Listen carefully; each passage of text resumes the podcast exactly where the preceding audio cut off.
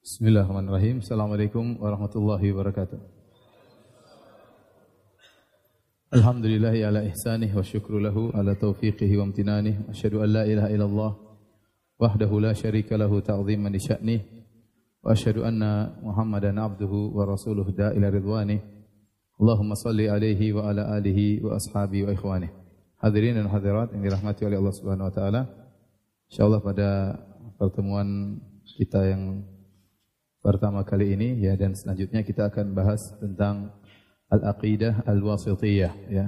Al-Aqidah Al-Wasithiyah adalah suatu buku kecil yang ditulis oleh Syekhul Islam Ibn Taimiyah rahimahullahu taala tatkala usia beliau sekitar 38 tahun dan beliau menulisnya cuma sebentar. Ba'da asar beliau tulis dan sebelum maghrib ya sudah uh, selesai. Sekali duduk beliau tulis buku ini. Dan buku ini ya ditulis uh, sebab karena ada seseorang qadhi atau hakim dari yang datang dari negeri Mesir dari uh, pengikut mazhab Syafi'iyah ya yang dia minta kepada Syekhul Islam Ibnu Taimiyah untuk menulis buku akidah. Saya bacakan perkataan Syekhul Islam Ibnu Taimiyah rahimahullahu taala, "Qadima alayya min ardi wasit ba'dhu qudati nawahiha syekhun yuqalu lahu Radiyuddin Al-Wasiti. Datang kepadaku seorang dari negeri Wasit. Jadi orang ini yang bertanya kepada Syekhul Islam Taimiyah berasal dari kota namanya kota Wasit. Makanya akidah tersebut namanya Al-Aqidah Al-Wasitiyah karena yang yang ditulis oleh Ibnu Taimiyah sebagai jawaban atas permintaan seorang hakim qadhi yang datang dari kota Wasit. Salah seorang qadhi yang tinggal di sekitar kota Wasit ya. Uh, dia datang kepada kami waktu sedang berhaji. Dan wa min ahli khair wa din dan dia termasuk orang yang baik dan orang yang saleh. Wa syakama nasu fihi bitilkal bilad wa fihi daulatut tatar. Dan beliau mengeluhkan tentang kondisi manusia, kondisi masyarakat di negeri beliau yang demikian juga datangnya orang-orang Tatar yang menguasai ya. Min ghalabatil jahli wa dhulm wa durusid din wal ilm tentang kejahilan, kezaliman dan hilangnya ilmu dan hilangnya agama. Wa sa'alani an aktuba lahu aqidatan takunu umdatan lahu wa li ahli baitihi. Dan dia minta kepadaku untuk menulis suatu akidah yang akan menjadi pegangan dia dan juga bagi keluarganya. Fasta'faitu min dzalik. Maka aku minta maaf, aku bilang aku tidak bisa nulis. Wa qultu qad kataba an-nasu aqaida mutaaddidatan. Orang-orang sudah menulis banyak akidah. Ya, apalagi para salaf. Ya, akidah fulan, akidah fulan. Fa khudh ba'd aqaidi a'immati sunnah. Maka aku nasihatkan kepadanya, ambillah sebagian akidah-akidah yang ditulis oleh para imam sunnah, yaitu para imam sunnah dari kalangan salafus saleh. Fa'ala hafiz soal, tetapi dia terus meminta, terus meminta agar aku menulis. Wa qala ma uhibbu illa aqidatan taktubuha anta. Aku tidak ingin kecuali akidah yang kau tulis wahai Ibn Taimiyah. Fakatabtu lahu hadhil aqidata wa ana qa'idun ba'dal asr. Dan aku pun menulis akidah ini aku duduk setelah salat asar ya. Waqad intasharat biha nusakhun katsiratun fi Misr wal Iraq wa ghairihima dan ternyata setelah itu nuskhah yang beliau tulis ini tersebar di berbagai negeri di antaranya di Mesir, di Irak, dan juga di selain Mesir dan Irak. Ya, inilah asal muasal kenapa disebutkan al-aqidah al-wasitiyah ya. Karena uh, Ibnu Taimiyah rahimahullah banyak menulis akidah kemudian nama buku tersebut dinisbahkan kepada kota sang penanya seperti Risalah Tadmuriyah karena yang bertanya kepada Ibnu Taimiyah dari Tadmur ya. Dan beberapa buku uh, seperti Al-Marrakeshiyah dari Marrakesh ya dari Maghrib dan banyak akidah-akidah yang ditulis oleh Taimiyah rahimahullah atau tulisan-tulisan disandarkan kepada kota asal sang penanya. Al-aqidah al-wasitiyah ini ya uh, Bismillahirrahmanirrahim. Assalamualaikum warahmatullahi wabarakatuh. Innal hamdalillah nahmaduhu wa nasta'inuhu wa nastaghfiruhu wa natubu ilayhi wa na'udzu billahi min shururi anfusina wa min sayyiati a'malina may yahdihillahu fala mudilla lahu ومن يضلل فلا هادي له. وأشهد أن لا إله إلا الله وحده لا شريك له. وأشهد أن محمدا عبده ورسوله لا نبي بعده. يا أيها الذين آمنوا اتقوا الله حق تقاته ولا تموتن إلا وأنتم مسلمون. فإن أصدق الحديث كتاب الله وخير الهدى هدى محمد صلى الله عليه وسلم. وشر الأمور محدثاتها وكل محدثة بدعة وكل بدعة ضلالة وكل ضلالة في النار. Hadirin dan hadirat yang dirahmati Allah Subhanahu wa taala, kita lanjutkan pembahasan kita dari pembahasan Al-Aqidah Al-Wasithiyah yang ditulis oleh Syekhul Islam Ibn Taimiyah rahimahullahu taala dan akidah Al-Wasithiyah, akidah yang spesial ya. Karena dia ditulis uh, ringkas oleh Ibn Taimiyah rahimahullahu taala. Uh, kemudian meskipun ringkas tetapi dia mencakup secara umum, secara global seluruh akidah Ahlussunnah wal Jamaah yang berkaitan dengan rukun iman ya, iman billah wal malaikah wal rusul wal kutub, kemudian wal yaumil akhir dan al qadar. Oleh karenanya barang siapa yang pelajari akidah wasitiyah maka secara umum dia sudah menguasai usul ahli sunnah, pokok-pokok akidah ahli sunnah yang berkaitan dengan rukun iman ya. Uh, dan perlu dia tambah untuk mempelajari kitab tauhid karangan Syekh Muhammad bin Abdul Wahab rahimahullahu taala karena dalam kitab Al-Aqidah Al-Wasitiyah tidak membahas tauhid al-uluhiyah. Tidak membahas tauhid al-uluhiyah. Maka siapa yang menggabungkan antara Al-Aqidah Al-Wasitiyah sama kitab tauhid, maka dia telah mempelajari akidah dengan baik ya. Uh, kita masuk pada uh, pernyataan Syekhul Islam Ibnu Taimiyah rahimahullah taala. Beliau berkata, uh, Bismillahirrahmanirrahim. Alhamdulillahilladzi arsala rasulahu bil huda wa dinil haqq liyudhhirahu 'ala ad-dini kulli wa kafa billahi syahida. Segala puji bagi Allah yang telah mengutus rasulnya dengan huda, dengan petunjuk, wa dinil haq dengan agama yang benar, liyudhhirahu 'ala ad-dini kulli untuk mengunggulkan agama tersebut di atas seluruh agama yang ada, ya. Wa kafa billahi syahida dan cukuplah Allah menjadi saksi. Wa asyhadu an la ilaha illallah wahdahu la syarikalah ikraran bihi wa tauhidan. Aku bersaksi bahwasanya tidak ada sembahan yang berhak disembah kecuali Allah Subhanahu wa taala. Tidak ada sekutu baginya mengakuinya dan mentauhidkannya. Wa asyhadu anna Muhammadan abduhu wa rasuluh. Aku bersaksi bahwasanya Muhammad adalah hambanya dan rasulnya sallallahu alaihi wa ala alihi wa ashabihi wa sallama tasliman mazida. Uh, Al-Aqidah Al-Wasatiyah kalau yang punya majmu' fatawa bisa dibaca di halaman atau jilid 3 halaman 130. Jilid 3 halaman 130 atau 129 ya. Uh, setelah itu, setelah beliau memberi muqaddimah membuka risalah beliau ya. Beliau berkata amma ba'du, kemudian daripada itu fahada i'tiqadil firq fahada i'tiqadul firqatin najiyati al-mansurati ila qiyamis sa'ah ahli sunnah wal jamaah. Ini lafal beliau, kata beliau, fahada i'tiqadu al-firqatin najiyati al-mansurati ila qiyamis sa'ah ahli sunnah wal jamaah.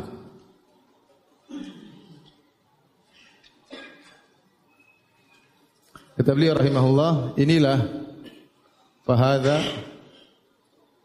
i'tiqad keyakinan ya Al-Firqatun Najiyah. Al-Mansurah. Ila qiyamis sa'ah. Ahli sunnah wal jamaah.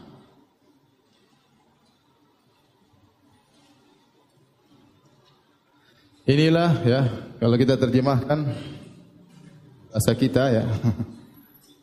Inilah ya keyakinan atau akidah. Al-firqah kelompok atau golongan yang selamat. An-naji artinya yang selamat, yang tertolong, yang ditolong hingga hari kiamat. Hingga hari kiamat yaitu menjelang hari kiamat mereka adalah ahli sunnah wal jamaah, yaitu ahli sunnah wa al jamaah. Jadi buku ini isinya adalah i'tiqad, akidah yang membedakan antara akidah firqah yang selamat atau akidah golongan yang selamat jika dibandingkan dengan firqah-firqah yang halikah yang binasa. Ibnu Taimiyah rahimahullah taala dalam munadharah waktu dia berdialog sama orang-orang yang gerah dengan buku ini, beliau menantang, apa yang saya tulis semuanya ada dalilnya. Apa yang saya tuliskan, saya torehkan dalam kitab Al-Qaqidah Wasitiyah, seluruhnya ada dalilnya. Dari Al-Quran mau dari As-Sunnah maupun dari asar para salaf. Silakan datangkan satu huruf saja yang ada tertera dalam akidah ini yang bukan dari Al-Quran dan Sunnah dan bukan dari salaf. Dan mereka tidak mampu mendatangkannya. Ya. Jadi semua yang ditulis oleh Ibn Taimiyah rahimahullah ini semuanya ada dalilnya Al-Quran atau As-Sunnah atau dari asar para para salaf. Ya. Di sini Syekhul Islam Taimiyah mensifati kelompok yang selamat dengan tiga sifat. Yang pertama, ini golongan ini disifati dengan najiyah. Golongan yang selamat. Yang kedua disifati dengan surah ditolong dan yang ketiga disifati dengan ahlu sunnah wal jamaah. Dan tiga nama ini adalah nama yang syar'i, ya, nama yang syar'i yang disebut oleh Ibnu Taimiyah dalam akidah beliau. Adapun asal muasal dari al-firqatun najiyah maka berdasarkan hadis yang masyhur ya tentang hadis iftirakul ummah. Dalilnya tentang hadis iftirakul ummah. Hadis perpecahan umat. Di mana Nabi sallallahu alaihi wasallam bersabda, Ya, iftaraqatil yahudu ila ihda wa sab'ina firqah. Sungguhnya Yahudi terpecah menjadi 71 golongan.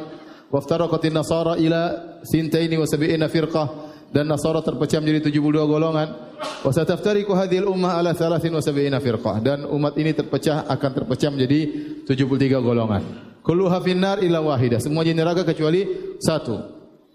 Para sahabat bertanya, "Manhum ya Rasulullah?" Dalam sebagian riwayat, "Manhum al-firqatun najiyah?" atau manin najiyah siapa yang selamat ya kata Nabi sallallahu alaihi wasallam as-sawadul a'zam. Dalam riwayat al-jamaah. Dalam riwayat hum man kana ala mithli ma ana alaihi wa ashabi yang selamat adalah orang-orang yang berada di atas jalanku dan jalan para sahabatku. Dalam sebagian riwayat yaitu orang-orang yang berjamaah. Dalam sebagian riwayat mereka adalah uh, orang yang paling banyak di zaman Nabi sallallahu alaihi wasallam. Sehingga ada istilah dari mafhum hadis tersebut al-firqatun najiyah. Karena kata Nabi kulluha finnar ila wahida. Semuanya di neraka, 70 di neraka kecuali satu. Maka itulah firqah yang selamat. Maka diberi nama dengan al-firqatun najiyah. Adapun istilah al-mansurah yang tertolong dalam hadis yang sahih Sahih Bukhari dan yang lainnya kata Nabi wasallam la tazalu ta'ifatu min hadhil ummah ya mansurah ila qiyamis saah ya la yadhurruhum man khadalahum wala man khalafahum kata Nabi sallallahu alaihi wasallam qala akan senantiasa ada satu kelompok dari umatku yang senantiasa tertolong alal haq mansura alal haq atau zahirina alal haq senantiasa tertolong di atas kebenaran maka tidak memberi kemudaratan kepada mereka orang-orang yang menyelisih mereka atau yang meninggalkan mereka sampai hari kiamat. Ada dalilnya juga. Adapun ahlu sunnah wal jamaah maka ya seperti tadi hadisnya waktu ditanya hadis perpecahan umat, siapakah mereka kata Nabi al-jamaah. Mereka adalah al al-jamaah ya. Inilah dan mereka ada ahlu sunnah. Jadi inilah nama-nama syar'i yang diberikan oleh Syekh Islam Taimiyah terhadap golongan yang selamat itu firqah najiyah. Kemudian mereka itulah yang mansurah dan mereka itulah yang ahlu sunnah wal jamaah. Nah sekarang untuk memahami hadis ini, untuk memahami penamaan ini, ya kita akan membahas tentang hadis iftirakul ummah, tentang hadis perpecahan umat. Atau sudah tulis, saya mau hapus ya. Sudah? Sudah ya? Cepat sekali antum. Boleh dihapus.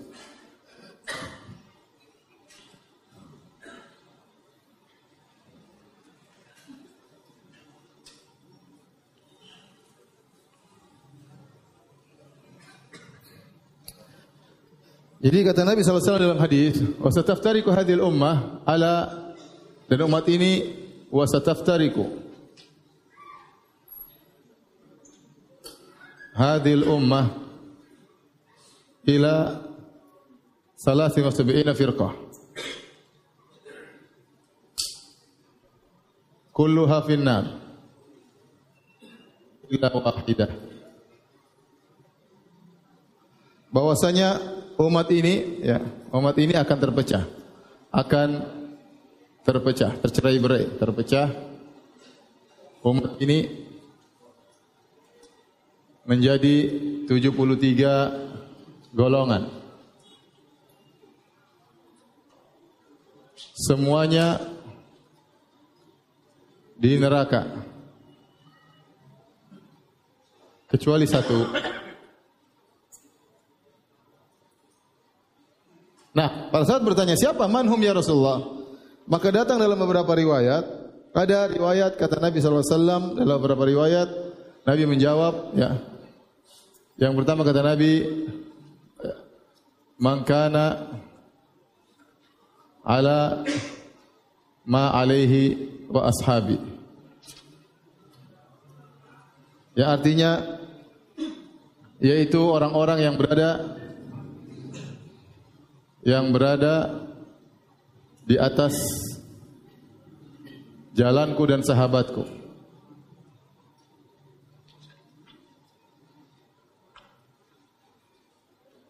Kemudian dalam riwayat yang lain kata Nabi SAW, humul jamaah.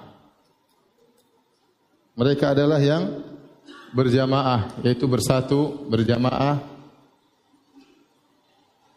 Bersatu di atas kebenaran.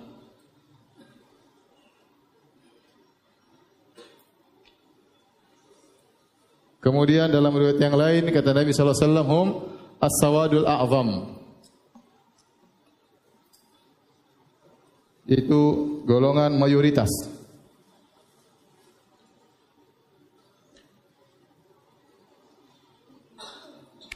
Taib, ini uh, berkaitan dengan hadis ini ya. Para ulama membahas bahwasanya tiga lafal ini mangkana mislima ana alaihi ma ana alaihi wa ashabi.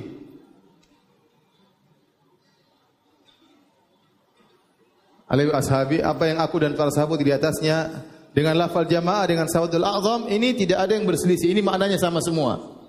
Maksudnya yang selamat adalah yang berjalan di atas jalannya Nabi dan jalan apa? Para sahabat. Yang di zaman tersebut mereka adalah mayoritas.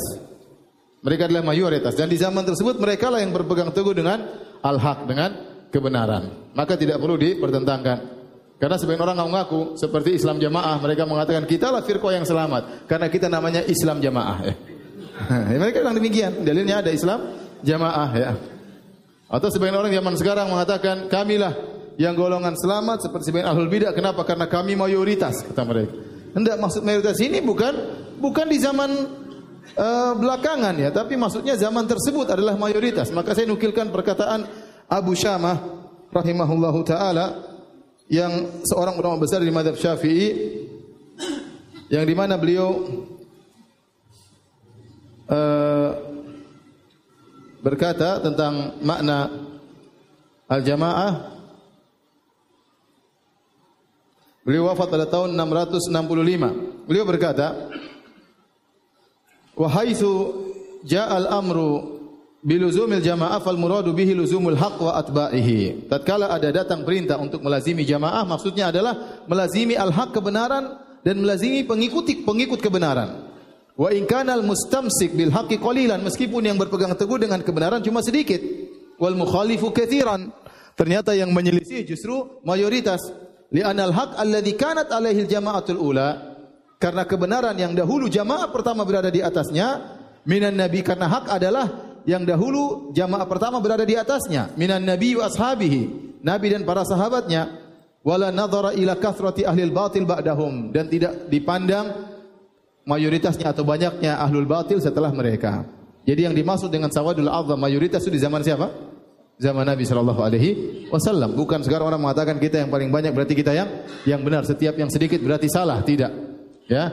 Tidak ya. Oleh karenanya ini diingatkan oleh para para ulama Demikian juga Imam Al-Barbahari beliau berkata ya wal asasul ladzi bayyana alaihi al-jamaah hum ashabu Muhammadin sallallahu alaihi wasallam rahimahumullahu ajmain wa hum ahlu sunnah wal jamaah. Jadi asas yang di dibangun di atasnya ya al-jamaah ya adalah para sahabat Muhammad sallallahu alaihi wasallam dan mereka adalah ahlu sunnah wal jamaah. Ini poin yang pertama. Hadis ini adalah hadis yang sahih, disahihkan oleh para ahli hadis. Kemudian hadis ini ternyata ya bukan cuma disahihkan oleh ahlu sunnah. Seluruh ahlul batil juga mensahihkan hadis ini. Kalau antum buka bukunya, misalnya orang-orang Khawarij mereka akan sebutkan akan terpecah 73 golongan, yang benar cuma satu, kamilah yang benar ya. Kalau nanti buka bukunya orang-orang Syiah atau bukunya orang Syiah juga mengatakan terpecah 73 golongan yang benar kamilah yang benar. Nanti baca buku karangan orang Mu'tazilah, mereka juga mengatakan bahwasanya umat Islam terpecah 73 golongan yang benar cuma satu, kamilah yang yang benar. Jadi hadis ini secara umum dibenarkan atau disohhikan oleh seluruh firqah ya. Dan masing-masing merasa dirinya yang yang paling benar ya. Tapi kita lihat ada syarat-syaratnya mau dikatakan benar. Ada syarat-syaratnya. Kemudian ada hadis yang semana dengan hadis ini ya. Seperti uh, hadis Nabi SAW, hadis Irbad bin Sariyah, kata Nabi SAW, Innahu mayya'ish minkum, fasayara ikhtilafan kathira. Sungguhnya siapa yang hidup setelahku, dia akan melihat perselisihan yang banyak. Itu perselisihan dalam masalah agama. Apa jalan keluarnya kalau banyak perselisihan? Fa'alaikum bisunnati. Hendaknya kalian berpegang teguh dengan sunnahku. Wa sunnah al-khulafa'ir rasyidin. Dan sunnah para khulafa'ir rasyidin. Al-Madinah min ba'di itu sunnah para sahabat. Addu 'alaiha binawajid, gigitlah dengan geraham kalian. Kata Nabi, wa iyyakum muhdatsatil umur. Hati-hatilah kalian dalam perkara-perkara baru dalam agama. Hadis itu juga semakna dengan hadis ini. Akan ada perpecahan dalam agama, perselisihan yang banyak. Solusinya bagaimana?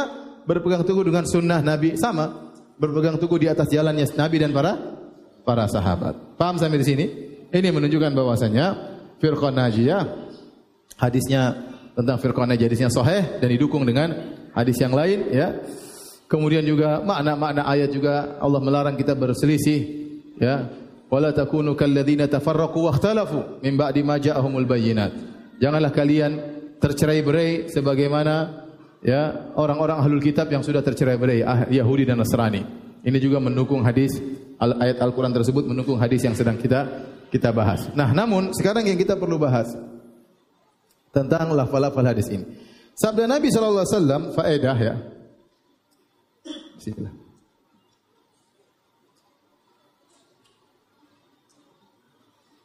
Yang pertama lafal finnar ya. Lafal finnar di neraka. Ini menunjukkan bahwasanya ya, menunjukkan bahwasanya mereka ini firqah-firqah ini firqah-firqah ini melakukan dosa besar. Dosa besar, maka berbahaya jangan sampai keluar dari firqah najiyah, dari golongan yang selamat. Karena keluar dari firqah najiyah membuat hal-hal baru dalam akidah yang menyelisih akidah Ahlussunnah wal Jamaah, maka seorang terjerumus bisa terjerumus dalam neraka jahanam ya dan dia terancam dengan neraka jahanam berarti dia melakukan dosa besar. Yang kedua, sama Ya. Apakah firqah-firqah tersebut kafir? Firqah-firqah yang 72 kafir. Maka uh, para ulama mengatakan mereka tidak kafir. Mereka tidak kafir. Adapun yang kafir maka keluar dari 72. Keluar dari Bapak 73 ya. Jadi yang ke-74. di luar pembahasan, dalam kurung di luar pembahasan. Di luar pembahasan. Contoh orang-orang zindik tidak bahas tidak masuk dalam hadis ini. Contoh orang-orang munafik tidak masuk dalam hadis ini, faham? Contoh, cara untuk orang mengatakan uh, bahwasanya Allah bersatu dengan dirinya itihadiyah tidak masuk dalam hadis ini. Hadis ini berbicara tentang firqah-firqah dalam Islam yang mereka masih Islam tapi mereka terjerumus dalam dosa besar karena menyimpang dalam masalah akidah ya. Dan ini penjelasan Syekh Islam Taimiyah rahimahullah dan yang lainnya. Paham sampai sini? Baik. Yang kedua apakah firqah-firqah tersebut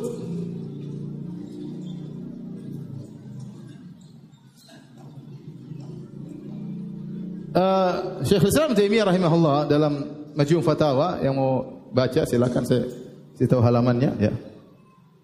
Yaitu jilid 3 Jilid 3 halaman 346 beliau berbicara tentang hadis ini dan beliau menjelaskan bahwasanya sebagian ulama mereka ada yang mentakyin siapa firqah-firqah tersebut. Di antaranya yang mentakyin misalnya ya adalah jadi ada dua madhab ulama. Ada khilaf dalam hal ini. Ada yang memfonis ada yang tidak memfonis. Yang memfonis di antaranya misalnya Yusuf bin Asbad. Di antaranya Ibnu Mubarak. Mereka berdua berkata, usulul firaq, pokok-pokok firqah kembali kepada empat. Kembali kepada empat, yaitu Ar-Rafidah.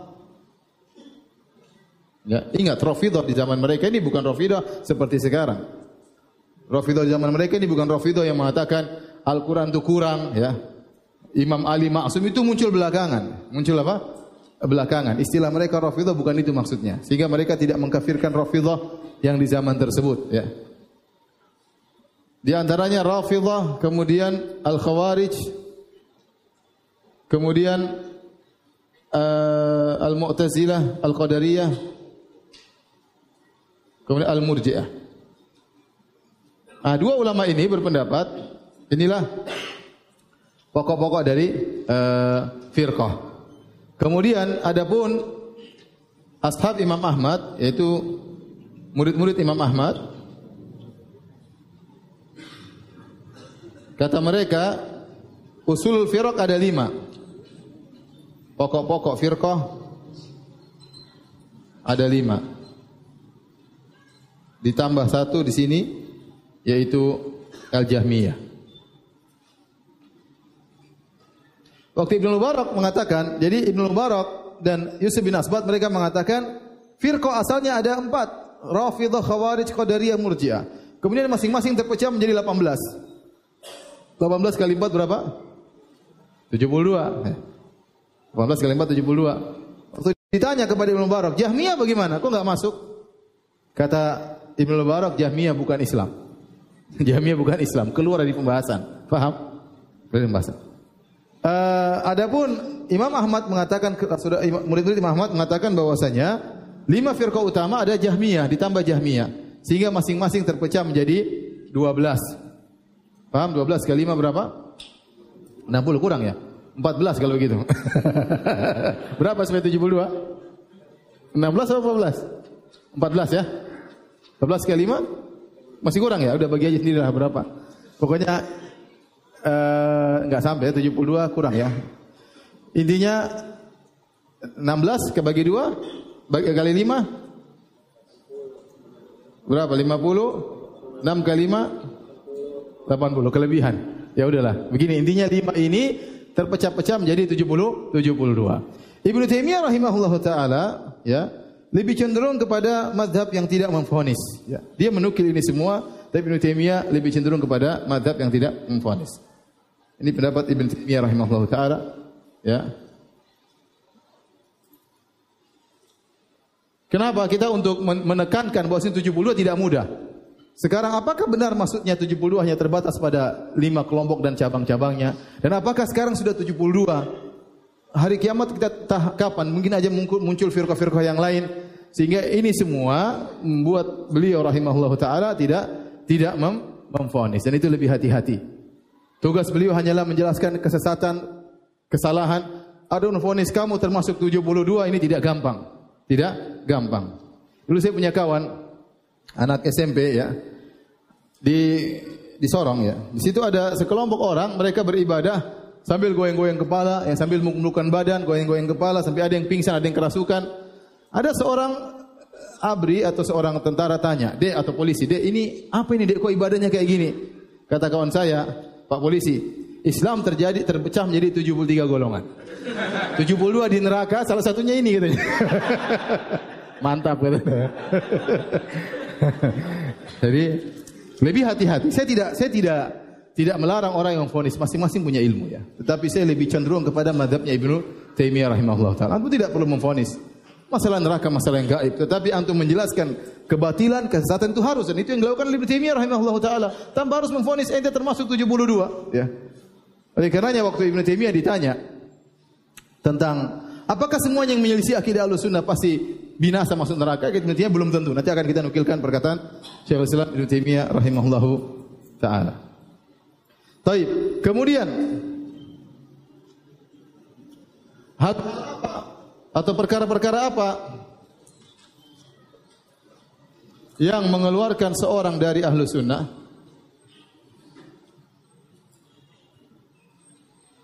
Dari firqah najiyah.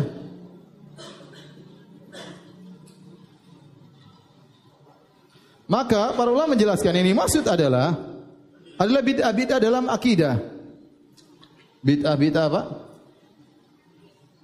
Penyimpangan-penyimpangan dalam masalah akidah. Oleh karena tatkala mereka menyebutkan sebagian yang memfonis, mereka sebutkan semua ini bid'ah akidah. Rafidah masalah apa? Akidah. Khawarij masalah apa? Akidah. Mengkafirkan kaum muslimin, memandang bahwasanya harus memberontak, itu semua akidah. Ya. Kemudian Qadariyah juga masalah takdir, Murji'ah masalah iman, Jahmiyah masalah sifat-sifat Allah Subhanahu wa taala. Sehingga ya mereka mengatakan para ulama menjelaskan bahwasanya bid'ah-bid'ah yang buat seorang keluar dari ahlu sunnah menjadi uh, firqah halikah keluar dari firqah najiyah menjadi firqah yang sesat adalah orang-orang yang terjerumus dalam bid'ah-bid'ah besar yaitu bid'ah-bid'ah apa? akidah ya. Bukan semua bid'ah membuat orang keluar eh, ente 72 berarti. Ente 72 termasuk 72 ya. Misalnya ada orang misalnya habis salat kemudian salam-salaman eh 72 golongan. enggak gitu, enggak juga kita bilang dia melakukan bid'ah. Sama seperti orang melakukan maksiat, tidak semua kita bilang orang fasik. Mungkin dia melihat sesuatu yang haram, tidak kita ente fasik. Belum tentu. Dia maksiat maksiat dia, dia salah. Orang bohong sekali-sekali ya dia bohong, dia dosa. Tapi kita mengatakan orang fasik ya, orang munafik itu fonis tersendiri, fonis tersendiri. Jadi tidak semua orang yang melakukan bid'ah kemudian kita mengatakan dia termasuk 72 golongan ya. Jadi bid'ah-bid'ah yang dimaksud oleh para ulama bid'ah-bid'ah besar, bukan bid'ah-bid'ah amaliyah yang sederhana yang bertingkat-tingkat atau seperti ibaratnya ini ini yang dijelaskan oleh Syekh Islam Taimiyah yang juga disebutkan oleh uh, apa namanya ulama sekarang seperti Syekh Sa'di kemudian uh, Syekh Ibn Jibrin rahimahumullah taala atau dengan yang disebut oleh Asy-Syatibi maksudnya bid'ah-bid'ah yang buat seorang keluar dari Ahlussunnah wal Jamaah bid'ah-bid'ah pada perkara kuliat. Kuliat itu perkara-perkara yang yang mencakup umum. Jadi kaidah umum yang dilanggar, kaidah Ahlussunnah yang umum dilanggar dan ini akan membawa dampak banyak perkara-perkara kecil yang masuk dalam hal tersebut. Baru dikatakan dia keluar jalan. Contoh, contoh. Misalnya akidah kaidah umum ahlu sunnah takdimun nakal alal akal. Ahlu sunnah mengatakan dalil harus didahulukan daripada akal. Kalau ada pertentangan seakan-akan antara akal dan dan dalil, maka akal yang dicurigai, akal yang dicurigai, bukan sebaliknya. Selalu dalil yang dikalahkan, akal yang dimenangkan. Ini kaidah baku sunnah wal jamaah. Kemudian ada orang yang menyelisih kaidah ini, bikin kaidah baru. Bahwasanya akal didahulukan daripada dalil, seperti Mu'tazilah dan Asy'ariyah yang mereka mengatakan di dalam buku-buku mereka bahwasanya akal didahulukan daripada dalil, maka ini keluar daripada ahlu sunnah wal jamaah. Kenapa? Karena di bawah kaidah ini banyak sekali perkara yang akan hancur. Setiap hari oh enggak, oh enggak masuk akal. Ini enggak benar, selesai. Ya, dan itu tidak ada kaidah yang me, me, me, apa namanya mengatur kaidah tersebut. Bahwasanya akal didahulukan atas dalil. Ya, sekarang akal beda-beda. Menurut akal dia diterima, akal kita nggak diterima repot kalau begitu.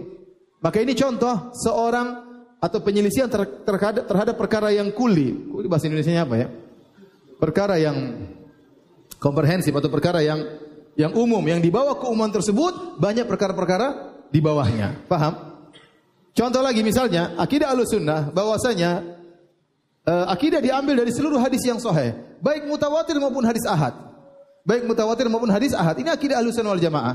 Kemudian datang orang-orang Mu'tazilah bikin bikin kaidah bahwasanya akidah hanya boleh diambil dari hadis yang mutawatir. Ini di bawah kaidah rusak ini banyak sekali yang harus dibuang akhirnya hadis-hadis. Ini contoh penyelisihan terhadap perkara yang kulli.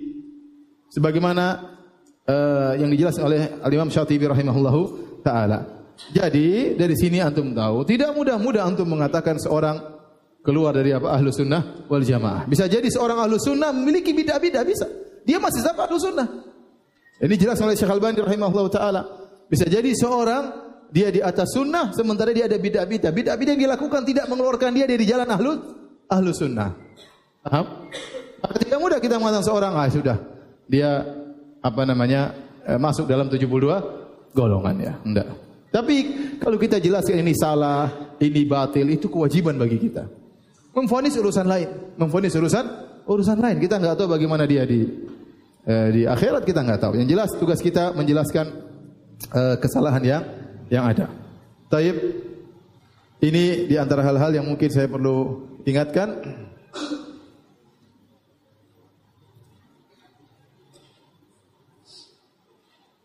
Taib, saya rasa cukup ya. Kalau sudah tolong dihapus. Tunggu tunggu, ada yang mau anu, foto dulu sebentar, ada yang foto. Terlambat. Sudah, sudah foto. Sudah hapus saja.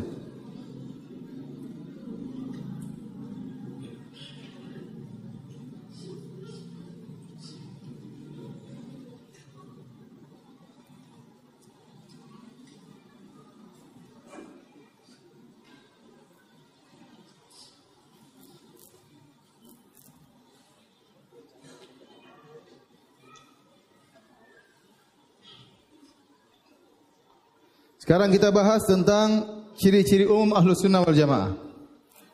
Simat ahli sunnah wal jamaah.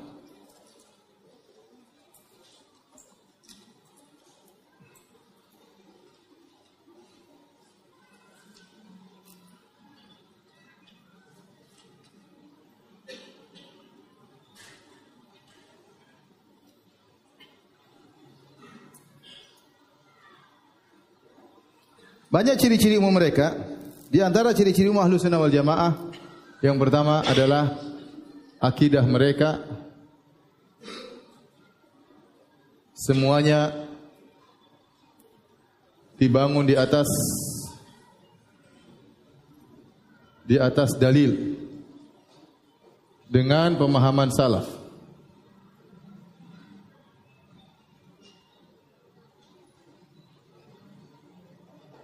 Ya. Kemudian yang kedua mereka mengimani semua dalil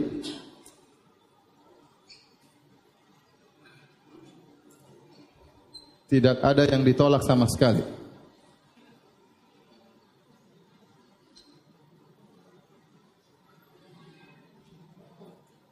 Yang ketiga, mereka meyakini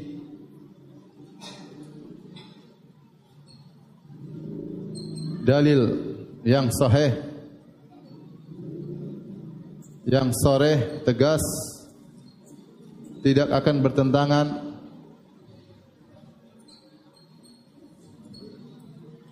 dengan akal yang sehat.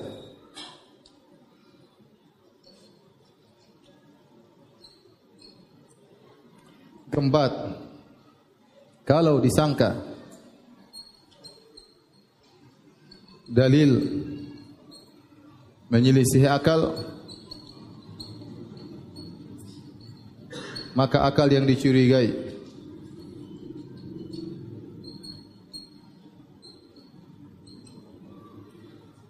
Kemudian poin yang sangat penting yaitu mereka sangat mengagungkan salaf.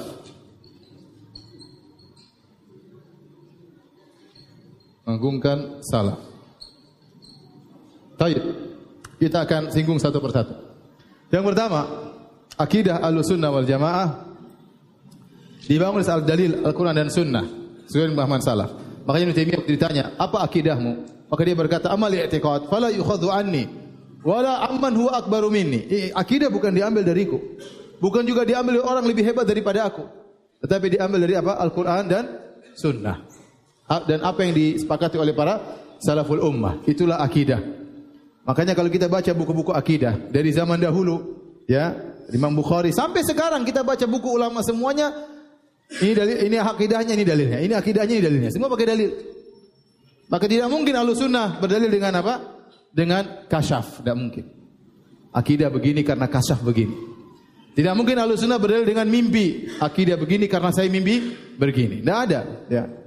Kasyaf, mimpi itu semua bukan dalil. Mimpi bisa bisa menguatkan, tapi dia bukan dalil. Dalil utama adalah Al-Quran dan apa? Sunnah. Apalagi berdalil dengan perasaan. Zauk. Ini dalilnya orang-orang sufi. Zauk. Kashf. Kemudian uh, mimpi. Dan yang semisalnya. Ini semua bukan dalil. Dalil adalah Al-Quran dan dan Sunnah. Al-Quran dan dan Sunnah. Dan ini ciri-ciri khas akidah Ahlussunnah wal Jamaah. Kita dapati buku-buku mereka isinya adalah Al-Quran dan Sunnah, Al-Quran dan Sunnah dan mudah untuk dipahami oleh masyarakat. Kemudian Poin berikutnya di sini mereka sangat mengganggukan salaf. Ya. Mereka sangat mengganggukan apa? Salaf. Kenapa kita ahlu sunnah meyakini generasi terbaik umat ini adalah para salaf? Ini sangat, logis karena para salaf adalah mereka adalah murid langsung Nabi wasallam. Kenapa? Kenapa? Karena mereka murid langsung Nabi. Nabi sallallahu alaihi wasallam.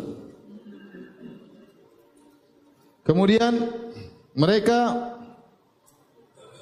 yang langsung menerapkan menerapkan dalil-dalil atau ayat-ayat yang turun.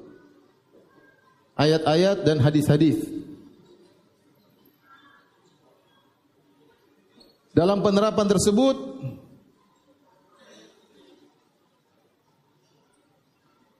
Mereka dibimbing oleh Nabi. Kalau salah ditegur oleh Nabi sallallahu alaihi wasallam. Bahkan dibimbing oleh Allah Subhanahu wa taala. Kalau Nabi tidak tahu, Allah turunkan ayat kasih tahu. Makanya mereka sering berdalil bahwasanya ayat tidak turun melarang. Kalau kami salah pasti sudah ada ayat yang turun melarang. Kata Jabir bin Abdullah, Kunna na'zil wal Qur'anu yanzil. Kami dahulu di zaman sahabat, kami melakukan azal, yaitu kami berhubungan dan kami keluarkan air mani dari rahim seorang wanita. Kalau seandainya itu dilarang, pasti Al-Quran sudah turun menegur. Itu dalil bahwasanya mereka dalam penerapan syariat juga dibimbing oleh siapa? Nabi dan dibimbing oleh siapa? Allah Subhanahu wa taala. Kemudian yang paling menarik yaitu mereka direkomendasi oleh Allah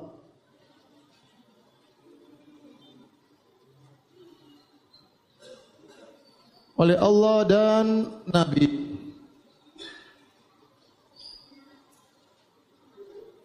Lahir dan batin. Terlalu banyak ayat memuji para sahabat ya. Kata Allah tentang para muhajirin, lil fuqara'il muhajirin alladziina ukhriju min diyarihim amwalihim yabtaguna fadlan min Allah wa ridwana wa yansuruna Allah wa rasulahu ulaika humus shadiqun. Orang-orang muhajirin yang meninggalkan harta mereka, meninggalkan kampung halaman mereka, untuk apa? Ya butaguna fadlan minallahi wa ridwana. Mereka mencari karunia Allah, mereka mencari keridhaan Allah. Allah puji niat mereka. Wa yansuruna Allah wa rasul dan mereka telah menolong Allah dan Rasulnya. Allah puji zahir mereka. Mereka menolong Allah dan Rasulnya. Kata Allah ulaika humus sadiqun. Mereka adalah orang-orang imannya benar. Kemudian Allah puji orang-orang uh, Ansar. Walladzina tabawwa'u daru wal imana min qablihim yuhibbuna man hajaran seterusnya. Jadi ayat terlalu banyak ya memuji kaum Ansar dan kaum Muhajirin. والسابقون الأولون من المهاجرين والأنصار والذين تبعهم بإحسان رضي الله عنهم anhum radu'an wa جنات تجري تحتها الأنهار. Kata Allah Subhanahu wa taala dan kaum pertama kali masuk Islam, Muhajirin dan Ansar, mereka pasti masuk surga kata Allah Subhanahu wa taala. Adapun selain mereka untuk masuk surga syaratnya walladzina tabauhum bi ihsan, harus mengikuti mereka dengan dengan baik. Bayangkan, mereka saking mulianya di sisi Allah dan Rasulnya, dijadikan standarisasi untuk bisa masuk ke surga. Orang yang datang dari belakangan setelah mereka, kalau ingin masuk surga, syaratnya, walladzina taba'uhum biihsan. Harus mengikuti mereka dengan pengikutan yang baik. Jadi mereka dijadikan barometer, mengikuti manhaj mereka, barometer untuk masuk surga atau tidak. Oleh karenanya tatkala Allah menyebutkan tentang perkataan orang-orang musyrikin, wa qala alladziina kafaru Ya, berkata orang kafir tentang orang-orang yang beriman, ya. Lau kana khairan ma sabakuna ilai. Seandainya Al-Qur'an itu baik, tentu teman-temannya Muhammad itu ya tidak akan mendahului kita. Kita pasti lebih dahulu daripada teman-temannya Muhammad. Kalau Al-Qur'an itu baik, kita lebih dahulu beriman daripada para sahabat. Maka Ibnu Katsir waktu mengomentari ayat ini beliau berkata, "Wa amma ahlu sunnah." Adapun ahlu sunnah, maka dia ngomong berbalik dengan perkataan orang musyrikin.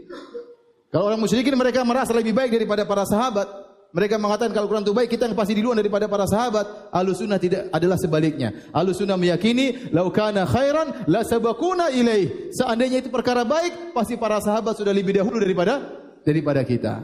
Karena mereka lebih utama, lebih mulia, lebih semangat dan yang dan yang lain. Inilah hal-hal yang menjadikan para sahabat, para salaf, generasi yang dipuji oleh Allah dan direkomendasi oleh Nabi SAW, khairun nasi korni, thumma ladhina yalaunahum, thumma ladhina yalaunahum.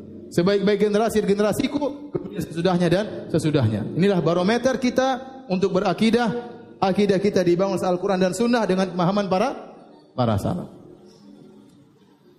Kemudian datang orang-orang ya ngaku ahlu sunnah. Ngaku apa? Ahlu sunnah.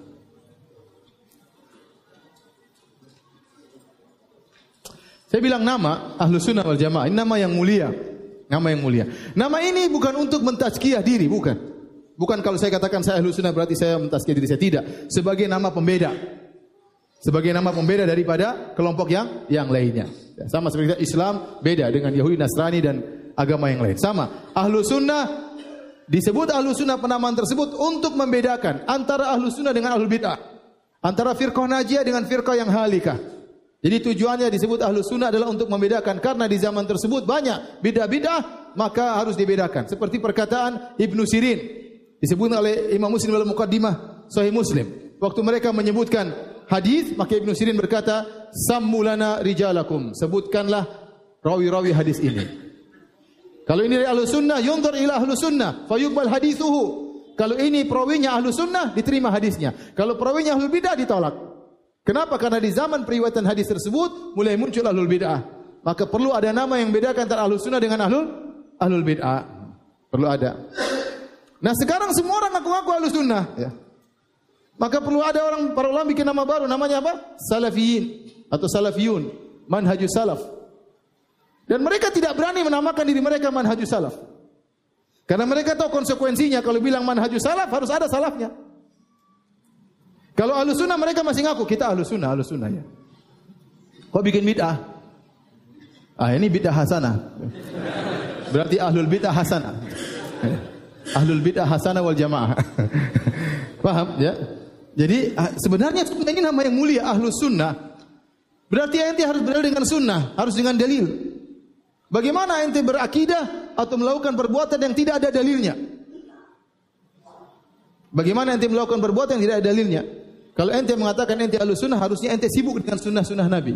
Ya, ente harus memperjuangkan sunnah-sunnah Nabi. Tapi kalau ternyata yang ente perjuangkan amal yang utama yang ente lakukan bukan ajaran Nabi sallallahu alaihi wasallam, maka ente tidak dikatakan ahlu sunnah. Siapa yang mengatakan ini sunnah Nabi sallallahu alaihi wasallam? Enggak ada yang berani. Ya. Apakah ente lakukan di sunnah Nabi? Nabi pernah melakukannya, sahabat pernah melakukannya? Enggak ada. Terus ente bilang katakan ente ahlu sunnah? Enggak bisa. Keyakinan ente ini, contohnya mengatakan Allah tidak di atas, tidak di bawah. Ini akidahnya Nabi bukan? Mana dalilnya? Satu saja hadis. Kita alusuna kita bawakan seribu hadis, seribu dalil bisa. Allah di atas. Ayat hadis-hadisnya perkataan sahabat banyak sekali, seribu. Ente mengatakan Allah tidak di atas, tidak di bawah. Allah tidak di mana-mana. Itu yang ngomong gitu siapa? Mana sunnahnya? Mana hadisnya?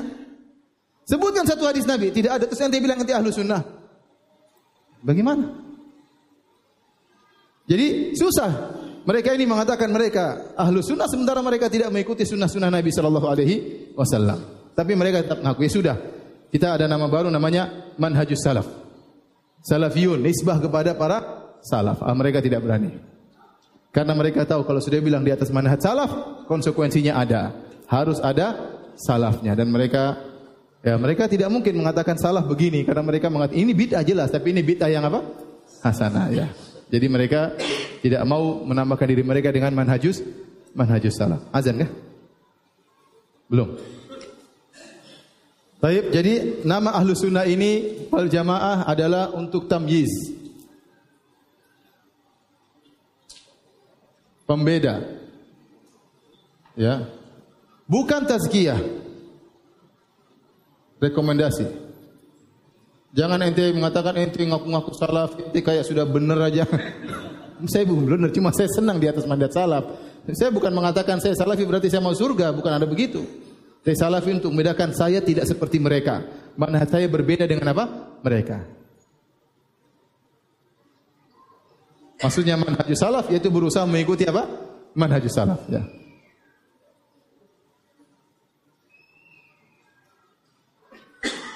Berarti berusaha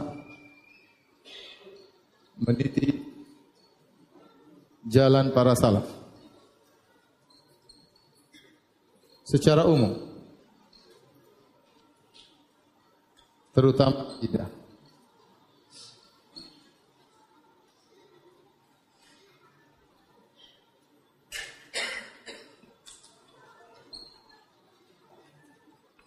Berapa akidah. Nah, di antara ciri ahlu sunnah juga, saya lupa ya, ini selanjutnya ya. Masih ada panjang. Sudah azan belum? Mereka mengimani semua dalil, tidak ada yang ditolak sama sekali. Kalau antum perhatikan sebagian ahlul bidah, ternyata mereka mengimani sebagian dalil, mereka tolak sebagian dalil. Dan itu bukan akidah ahlu sunnah. Ahlu sunnah semua dalil mereka datangkan dan mereka beriman dengan semua dalil tersebut. Dapat yang tidak dapat ya khawarij, mereka beriman sebagian dalil yang mengatakan seakan-akan mengkafirkan, sementara dalil yang menunjukkan tidak kafir mereka sembunyikan. Itu manhajnya khawarij. Sebaliknya murji'ah, mereka mendapati dalil-dalil yang seakan-akan orang bermaksiat tidak masalah, ya. Seperti hadis Wa in sarak wa in zana wa in sarak, apakah dia beriman? Muslim iya, meskipun berzina, meskipun mencuri kata Nabi ya dia masih muslim. Ah, ini ada dalilnya. Ya, zina, mencuri enggak ada masalah masih apa? Muslim. Dia lupa ada hadis-hadis yang lain mengatakan pezina, pencuri masuk apa? Neraka. Ya. Sehingga beriman hanya sebagian hadis dan menolak yang uh, lainnya. Ya. Sama Qadariyah, mereka hanya mengambil sebagian dalil-dalil yang seakan-akan mendukung mereka. Sementara hadis-hadis yang lain yang banyak ayat-ayat, mereka takwil, mereka tolak. Dan itu ciri-ciri ahlul bid'ah. Adapun ahlus sunnah wal jamaah, mereka mengimani semua dalil dan mereka mengkompromikan dalil-dalil tersebut dan mereka tidak mempertentangkan dalil-dalil tersebut. Ya. Kemudian mereka meyakini dalil yang sahih yang sharih tidak akan bertentangan dengan akal yang sehat. Ya. Tidak akan bertentangan akal yang sehat. Makanya Ibnu Taimiyah menulis buku Dar'u Ta'arudil Aql wan Naql. Menolak pertentangan antara akal dan dalil. Bahwasanya akal dan dalil yang beliau tulis kalau tidak salah 11 jilid menunjukkan bahwasanya akal dan dalil tidak bertentangan. Kenapa? Karena beliau membantah sebagian orang yang menolak ayat-ayat sifat karena pakai otak mereka. Ya, menolak ayat sifat pakai otak mereka. Menurut mereka tidak masuk akal, Allah tidak boleh begini, Allah tidak boleh begini, Allah tidak boleh bersuara, macam-macam sehingga mereka tolak pakai akal mereka maka dibantah oleh Ibnu Taimiyah rahimahullah taala ya dalam 11 jilid dan diringkas oleh Ibnu Taimiyah Qayyim rahimahullah taala dalam bukunya yang sangat menakjubkan yaitu Sawa'iqul Mursalah. Dia sebutkan sekitar 50 bantahan terhadap orang yang menolak mempertahankan akal dengan dalil dan beliau berkata ini hanya sebagian dari ya setitik lautan ilmu guruku Syekhul Islam Ibnu Taimiyah rahimahullahu taala. Kemudian maka kalau ada dalil yang menyelisih akal, maka yang dicurigai adalah akal. Karena dalil yang benar, yang sahih, benar-benar dari Nabi, benar-benar dari Allah Subhanahu wa taala tidak mungkin bertentangan dengan dengan akal. Kalau kelihatannya bertentangan, maka yakinlah akal kita yang ber, bermasalah. Akal kita yang bermasalah, pemahaman kita yang tidak tidak sampai dan Allah berfirman, "Wa ma utitum minal ilmi illa qalila." Dan kalian tidak diberi ilmu oleh Allah kecuali hanya sedikit. Silakan azan dulu.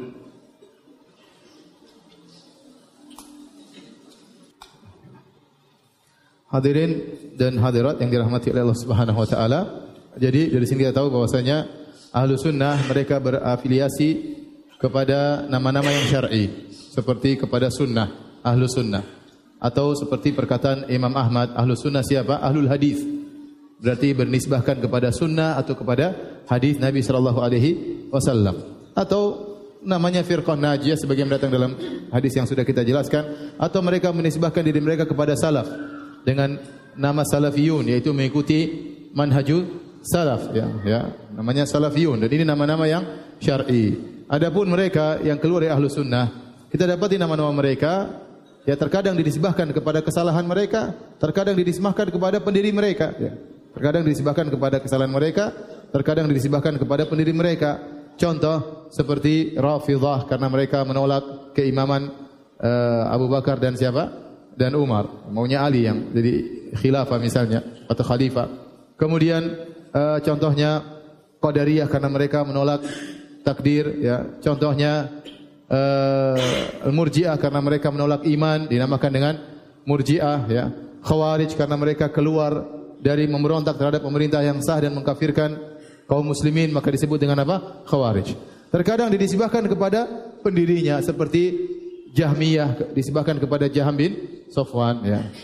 Seakan-akan itu akidah baru yang dibuat oleh Jaham bin Sofwan. Atau seperti Asy'ariyah ya. Abu Hasan Al-Asy'ari disebabkan kepada Abu Hasan Al-Asy'ari sementara Abu Hasan Al-Asy'ari sudah tobat dan rujuk. Nanti akan kita jelaskan pada kesempatan yang lain. Jadi mereka bernisbah kepada Abu Hasan Al-Asy'ari mengikuti akidah dia sebelum dia berubah. Sementara dia berubah setelah itu dan buku-buku yang sampai kepada kita menyelisih akidah mereka yang ada sekarang ini.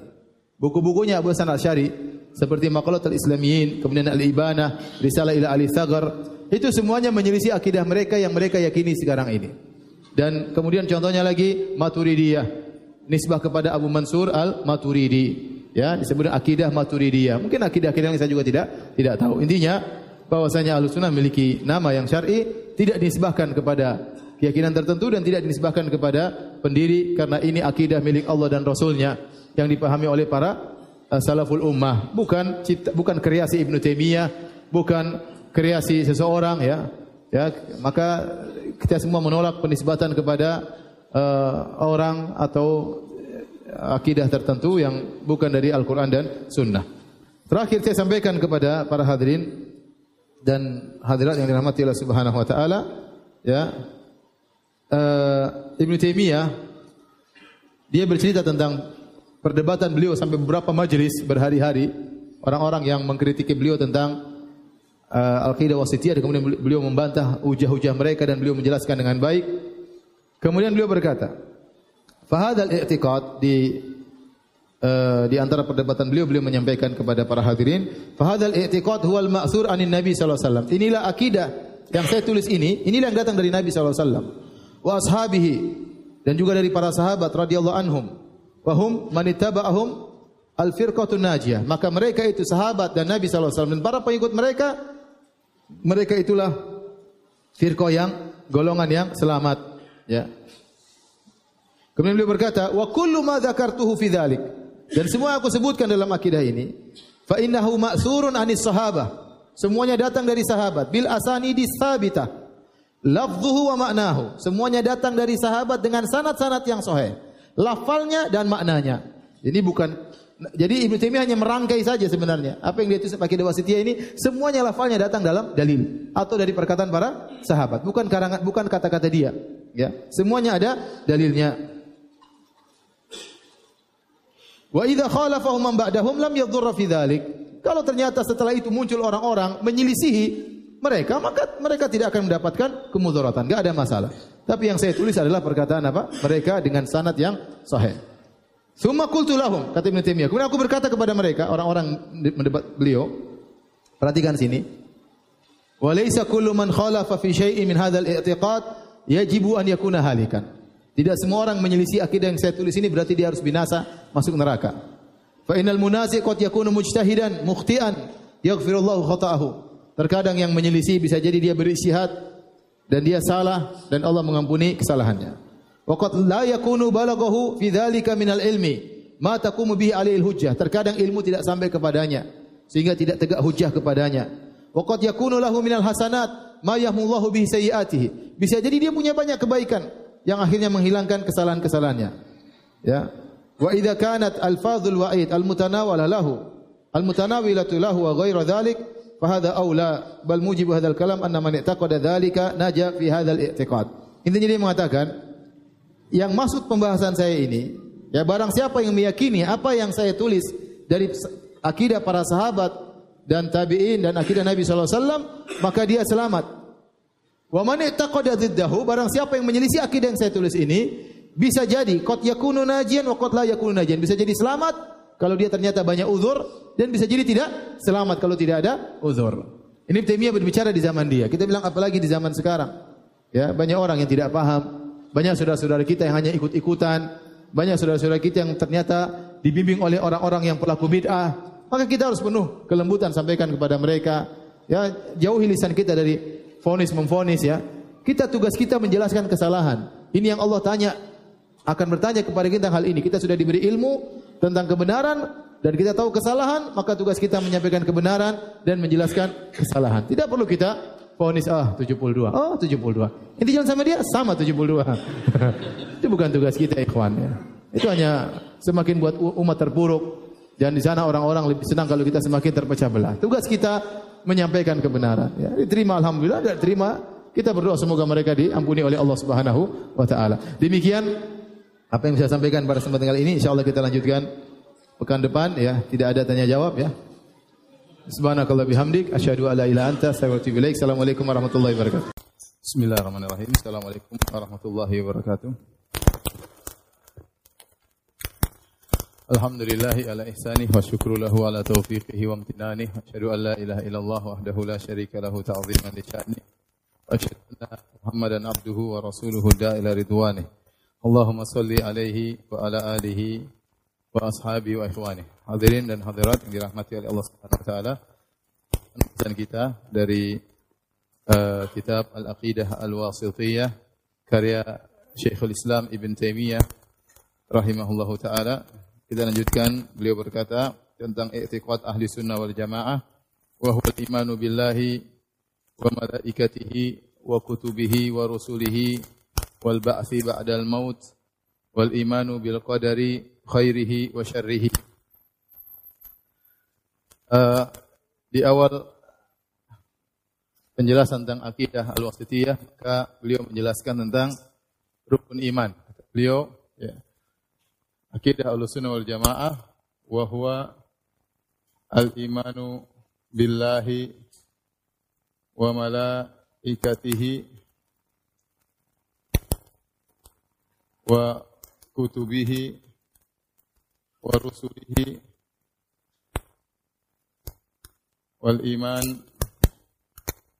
ba'dal maut.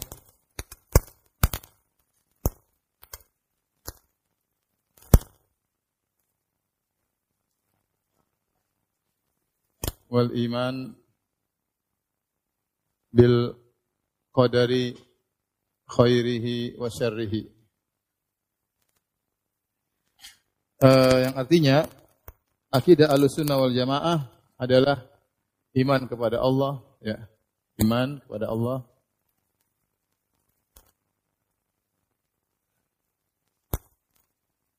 Terus iman kepada malaikat-malaikatnya. Kemudian kepada kitab-kitabnya. Pada rasul-rasulnya. Iman, kebangkitan setelah kematian,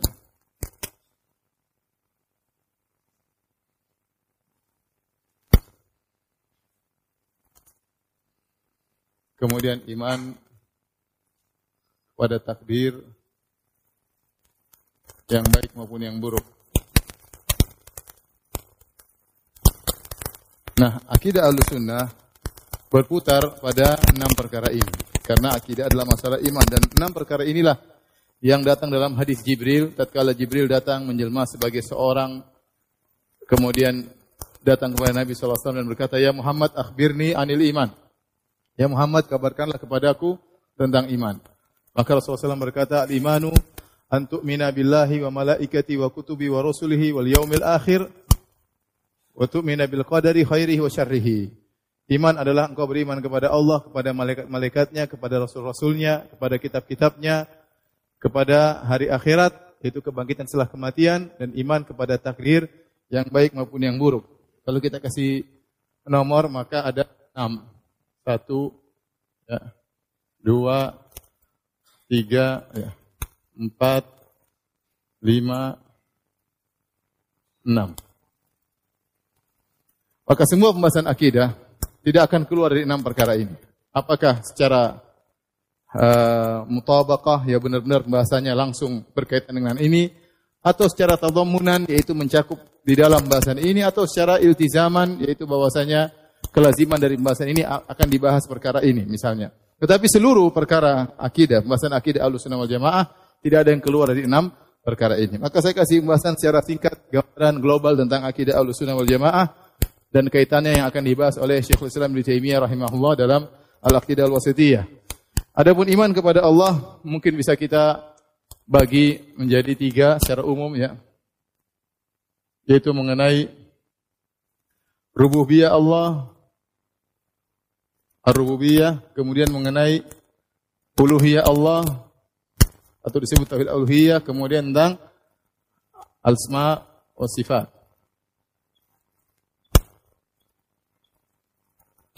Kemudian mengenai malaikat-malaikat bisa kita bagi mungkin menjadi dua, iman secara al-iman al-mujmal, kemudian al-iman at-tafsili. Ini maksudnya iman global, secara global, beriman secara global, kemudian secara terperinci. Global seperti bahwasanya malaikat itu ada, mereka punya tugas-tugas yang Allah tugaskan kepada mereka tentang sifat-sifat mereka, malaikat tersebut. Secara terperinci masing-masing malaikat. Malaikat ini tugasnya apa, malaikat tugasnya apa, malaikat tugasnya apa. Itu namanya iman tentang malaikat. Insya Allah kalau kesempatan kita akan bahas secara lebih detail. Pada kitab-kitabnya maka yaitu seperti apa? Al-Quran, kemudian apa? Taurat, Injil, dan lain-lain ya. Dan lain-lain. Ila akhirih seperti uh, suhuf Ibrahim wa Musa kemudian Zabur dan lain-lain ya.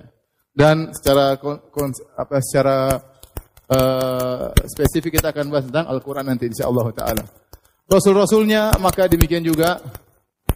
Pembahasannya juga terbagi menjadi dua kata para ulama yaitu secara global dan terperinci terperinci sesuai dengan yang datang kepada kita misalnya 25 nabi dan rasul ya masing-masing perlu dibahas ya iman secara global bahwasanya para nabi tersebut utusan Allah Subhanahu wa taala dan kita harus tunduk kepada setiap perkataannya dan perintahnya karena dia adalah perwakilan dari sang pencipta Allah Subhanahu wa taala. Adapun bahasan tentang al-yaumul akhir atau al-ba'tsu ba'dal maut, maka para ulama bagi menjadi tiga.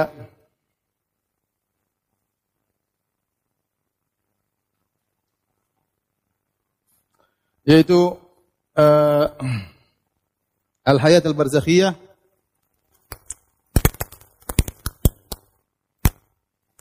atau bahasa Indonesianya alam apa? Alam barzakh. Biasanya sebagian ulama menambahkan sebelumnya dibahas juga masalah halatul ihtidar. Yaitu tatkala sakaratul maut. Sebelum pembahasan tentang kehidupan alam barzah. Setelah itu uh, minal mahsyar ila qabla al-jannah wan nar. Bahasan berikutnya yaitu dari sejak padang mahsyar hingga sebelum surga dan neraka.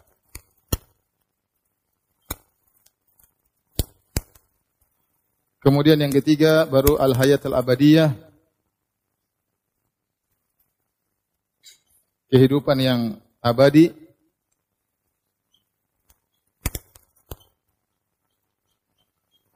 Abadi yaitu apakah surga atau neraka? Surga atau neraka?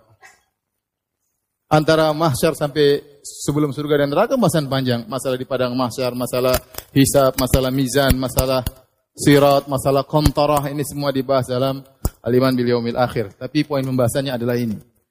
Kemudian masalah takdir nanti akan dibahas tentang maratibul qadar atau maratibul iman bil qadar tentang ya maratibul iman bil qadar atau tingkatan-tingkatan atau empat tingkatan beriman kepada takdir. Kemudian bahas tentang firqa-firqa yang menyimpang dari pembahasan ini. Ini kira-kira gambaran global tentang akidah al-sunnah wal jamaah yang akan kita perinci ke depannya insyaallah taala kalau memang kita masih hidup ya untuk bisa membahas masalah-masalah ini agar kita bisa bertemu dengan Allah dengan akidah yang yang benar ya.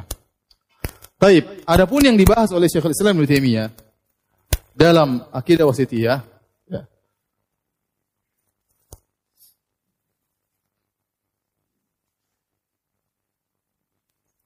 pembahasan-bahasan akidah wasitiyah, al-aqidah al-wasitiyah. Maka berputar pada kalau kita boleh bilang kepada empat poros yaitu pertama tentang uh, sifat-sifatullah tentang sifatullah tentang sifat-sifat Allah. Akidah al-sunnah tentang sifat-sifat Allah. Dan kemudian bahas tentang masalah masailul iman. Ini permasalahan-permasalahan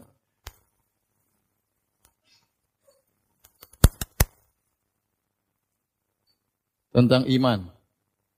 Nanti di sini ada dibahas tentang Khawarij, kemudian Mu'tazilah, kemudian Murji'ah. Ya, kemudian pembahasan pokok juga uh, tentang as-sahabah tentang sahabat Nabi sallallahu alaihi wasallam kemudian yang terakhir tentang al-akhlak usulul akhlak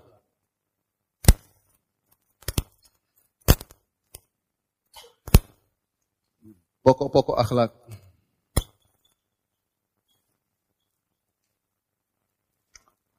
Uh, ada satu lagi, saya lupa, berarti ada sekitar lima. Ada iman bil akhir, ya. Al-iman bil yaumil akhir. Ada lima poin ya kira-kira.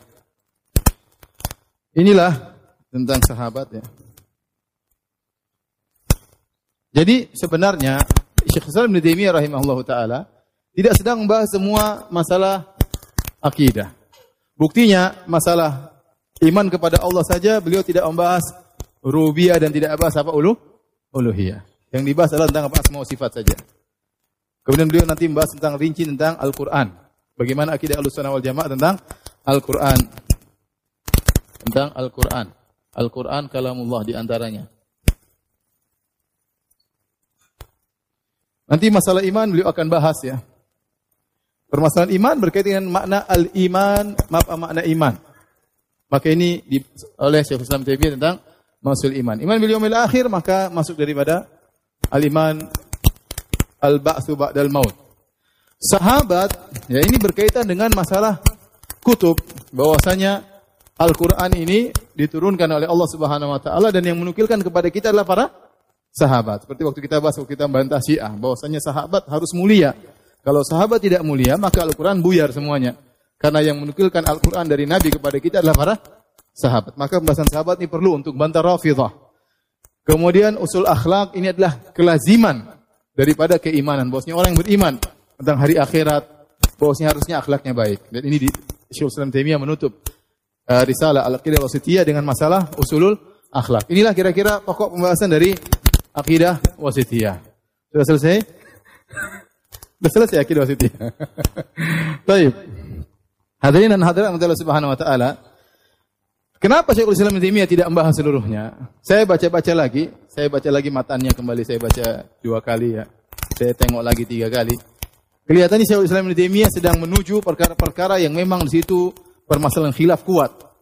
Maka dia akan membahas masalah-masalah yang di situ ada penyelisihan. Ya, adapun perkara misalnya kematian, hal-hal banyak yang dia tidak bahas karena itu kebanyakan tidak ada khilaf atau khilafnya sempit atau khilafnya kurang. Tetapi beliau masuk dalam hal-hal yang memang di situ khilafnya sangat kuat seperti masalah sifat Allah akan bahas menyelisihi Jahmiyah, menyelisihi Asy'ariyah, menyelisihi Mu'tazilah, menyelisihi Maturidiyah, maka beliau bahas secara detail. Masul iman akan bahas menyelisihi Khawarij, menyelisihi Mu'tazilah, menyelisihi Murji'ah, maka beliau bahas.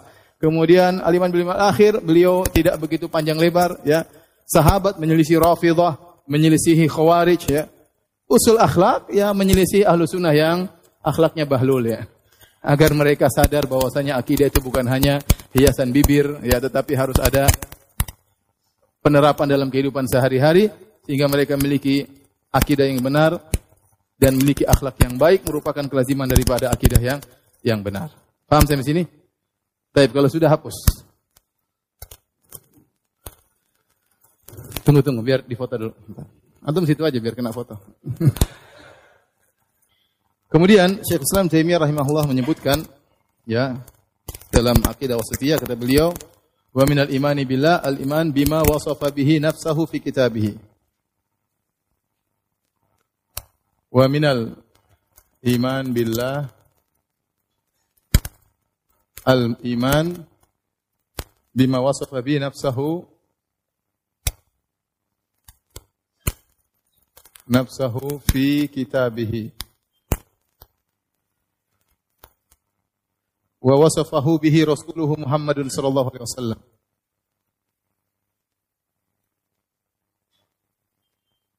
Wa wasafahu rasuluhu bihi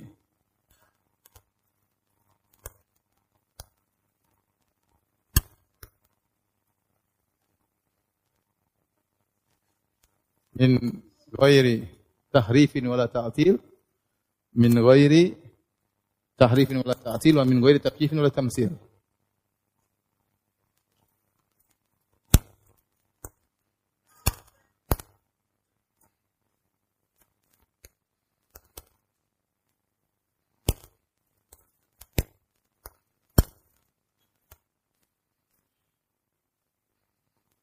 Jadi kata Ibn Taimiyah rahimahullah taala di antara iman kepada Allah, perhatikan kata beliau di antara ya di antara iman kepada Allah.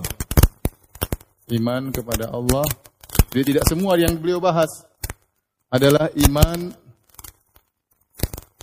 tentang apa yang apa yang Allah sifatkan tentang dirinya di Al-Qur'an di Al-Quran. Dan yang apa yang disifati oleh Rasulnya dan yang disifati oleh Rasulnya Muhammad sallallahu alaihi wasallam ya di sunnah-sunnah Nabi sallallahu alaihi wasallam tanpa tahrif tanpa tahrif dan ta'til tanpa takyif membagaimanakan dan tamsil menyerupamakan. Tamsil itu menyerupakan.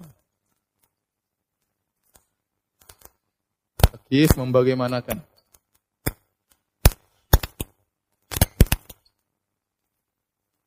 Taktil menolak. Tahrif menyimpangkan atau membelokkan, menyimpangkan. Ini perkataan Syekh Islam Taimiyah berikutnya. Di antara iman kepada Allah adalah iman dengan apa yang Allah sifatkan tentang dirinya dalam Al-Qur'an. Dan apa yang disifat oleh Rasulnya dalam hadis-hadisnya Muhammad sallallahu alaihi wasallam. Tanpa tahrif, tanpa menyimpangkan, tanpa ta'til, tanpa menolak, tanpa takis, tanpa membagaimanakan. Dan tanpa tamsil, tanpa menyerupakan. Di sini Syekh Islam Taimiyah mengatakan di antara ya, ini menunjukkan bahwasanya beliau tidak sedang membahas tentang seluruh masalah iman kepada Allah Subhanahu wa taala. Maka saya akan singgung sedikit tentang iman kepada Allah ya. Al-iman billah sebagaimana tadi saya sebutkan iman kepada Allah bisa kita bagi menjadi dua tentang ilmu wal ma'rifah, yang satunya tentang amal wa talab. Ilmu wal ma'rifah maksudnya tentang ilmu dan pengetahuan. Adapun ini tauhid tentang beramal konsekuensi beramal dari hamba. Maka untuk ilmu wal ma'rifah bisa dibagi menjadi dua adalah tauhid ar-rububiyah kemudian tauhid al-asma wa sifat. Ada tentang al-amal wa talab maka tauhid al-uluhiyah. Inilah membahas tentang iman kepada Allah Subhanahu wa taala, maka bisa kita klasifikasikan menjadi dua, ada yang mengatakan tauhid al-ilmi wal ma'rifah, ada yang mengatakan tauhid al-amal wa talab. Ini pun dibagi tentang ilmu dan ma'rifah bisa dibagi menjadi dua, rububiyah dan asma sifat. Yaitu pembahasannya adalah tentang zat dan sifat-sifat. Topiknya topik tentang zat dan sifat-sifat Allah. Adapun tauhid ini topiknya adalah topiknya adalah ibadah hamba kepada Allah.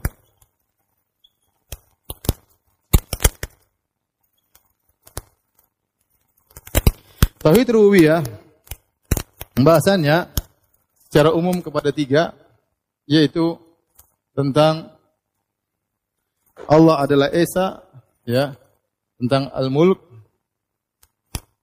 al-khalq dan at-tadbir. Saya singkat-singkat aja saya sudah pernah bahas di rububiyah secara khusus dalam satu kajian dan ada di YouTube. Nanti bisa dilihat ya. Tentang pemilikan tentang penciptaan, tentang pengaturan. Maksudnya tauhid rububiyah itu apa?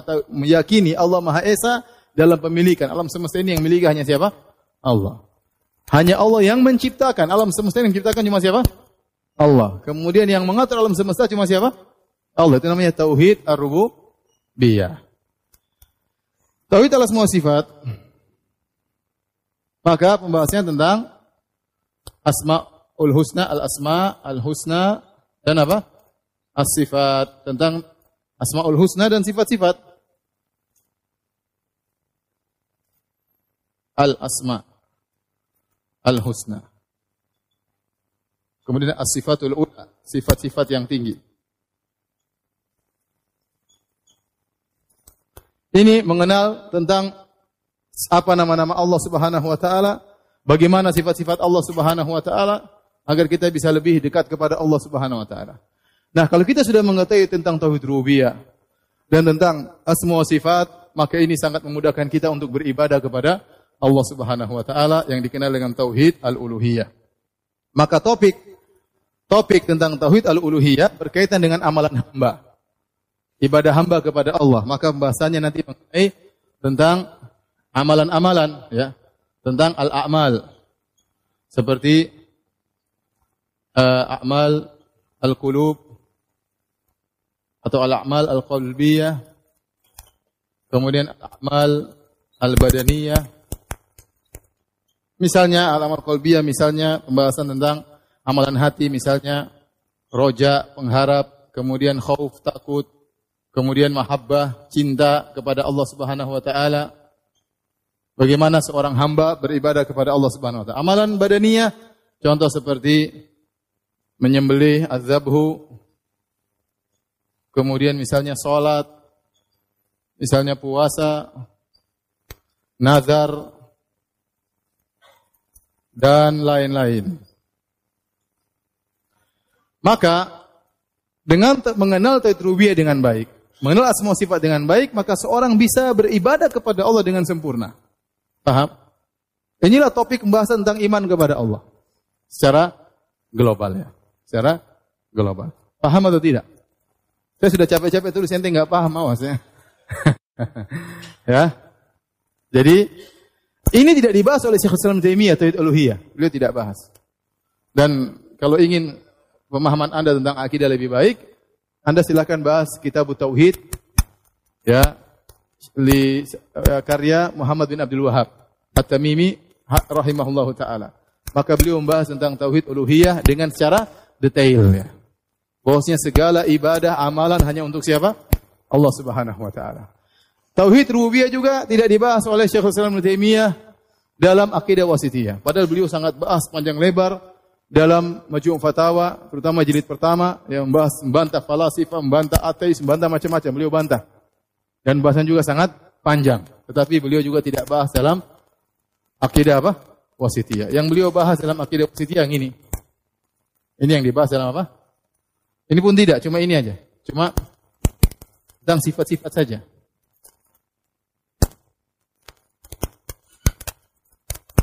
Yang beliau bahas cuma ini. Ini yang dibahas di Al-Aqidah Wasitiyah.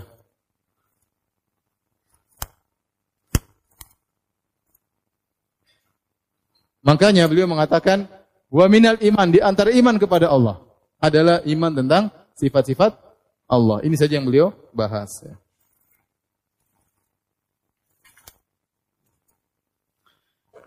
Tauhid rububiyah saya sudah bahas dua pertemuan di Masjid Muad bin Jabal di Bekasi dan videonya ada di YouTube untuk bisa lihat dan sudah juga saya bikin tulisannya suatu saat insya Allah mudah-mudahan bisa saya cetak.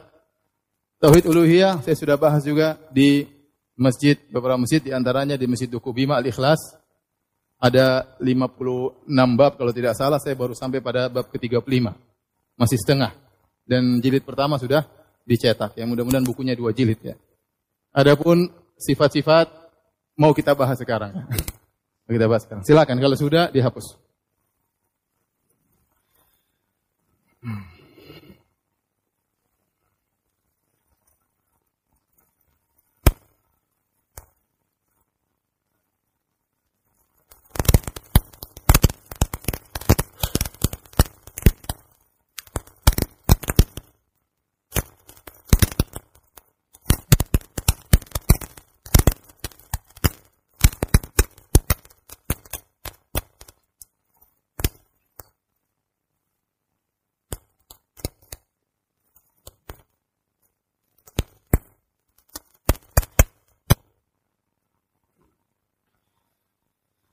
Baik, sekarang kita akan bahas tentang pendasan akidah ahlu sunnah ahlu sunnah tentang sifat-sifat Allah.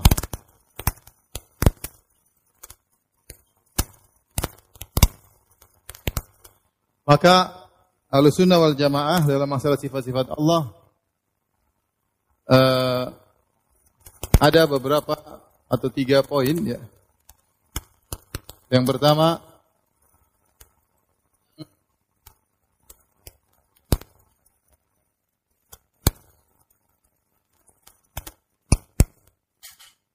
sifat yang ditetapkan dalam Al-Quran dan Sunnah. Dalam Al-Quran dan As-Sunnah. Atau disebut dengan As-Sifat As-Subutiyah.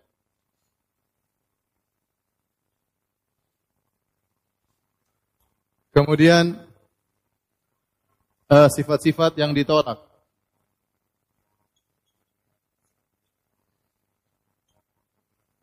Di Al-Quran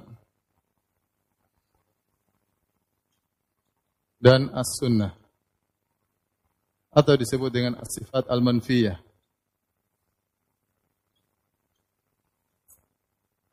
Kemudian sifat-sifat atau atau sifat-sifat yang tidak ditetapkan dan juga tidak ditolak di Al-Quran dan Sunnah. Bagaimana kita mensikapi tiga model sifat-sifat ini? Sederhana, kalau ada sifat-sifat ditetapkan dalam Al-Quran dan Sunnah, maka ditetapkan. Sebagaimana perkataan Ibn Taimiyah rahimahullah ta'ala tentang akidah sunnah wal jamaah mudah. Al-imanu bima wasafa bihi nafsahu fi kitabihi. Beriman kepada Allah tentang apa yang Allah tetapkan tentang sifat-sifatnya dalam Al-Quran. Wa bima bihi rasuluhu Muhammadun sallallahu alaihi wasallam. Dan menetapkan apa yang ditetapkan oleh Rasulnya dalam hadis-hadis. Min ghairi takyifin, min ghairi tahrifin wala ta'til, tanpa ditahrif, tanpa dita'til. Min ghairi takyifin wala tamsir, tanpa takyif, tanpa tamsil. Ya. Maka asasnya untuk masalah ini bisa kita bagi dua. Yang pertama adalah qat'u at-tama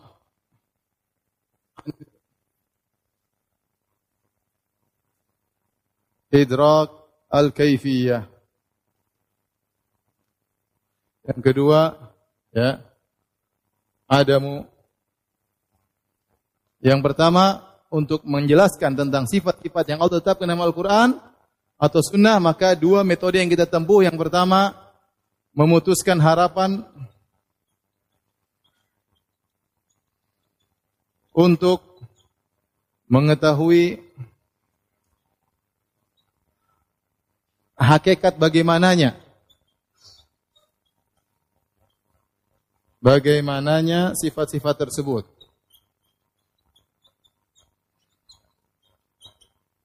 Yang kedua, adamu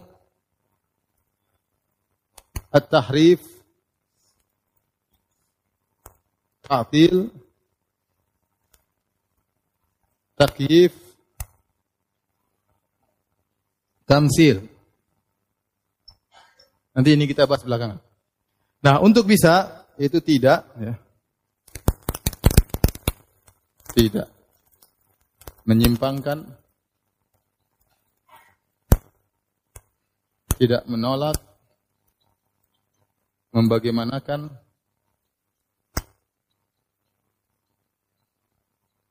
dan tidak memisalkan memperumpamakan. Baik. Yang kita bahas malam ini insyaallah taala karena tinggal sedikit adalah tentang sifat-sifat yang ditetapkan dalam Al-Qur'an dan Sunnah. Bagaimana kita mensikapi sifat-sifat tersebut? Ya, dalam Al-Qur'an banyak sekali Allah sebut tentang sifat-sifat Allah. Ya, baik sifatul ulu, ketinggian Allah Subhanahu wa taala, sifat tangan Allah, sifat wajah Allah Subhanahu wa taala, sifat kudrah ya, kemudian sifat melihat, sifat mendengar, banyak sekali sifat-sifat nanti akan disebut oleh Syekhul Islam Taimiyah dalam Al-Aqidah Al-Wasitiyah. Tetapi bagaimana metode global dalam menghadapi sifat-sifat tersebut? Yang pertama yang harus kita pikirkan, yang kita lakukan, pertama adalah tidak boleh kita membayangkan bagaimana sifat tersebut. Ya. Mustahil, putuskanlah harapanmu untuk mengetahui bagaimana sifat tersebut.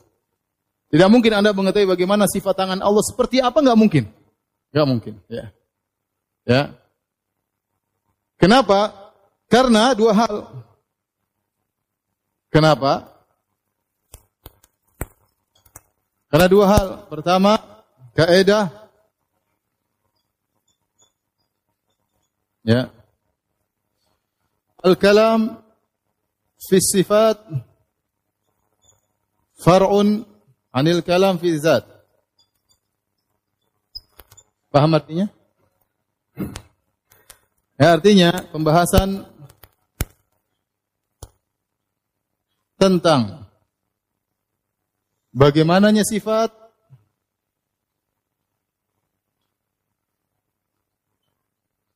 adalah cabang dari pembahasan tentang bagaimananya zat.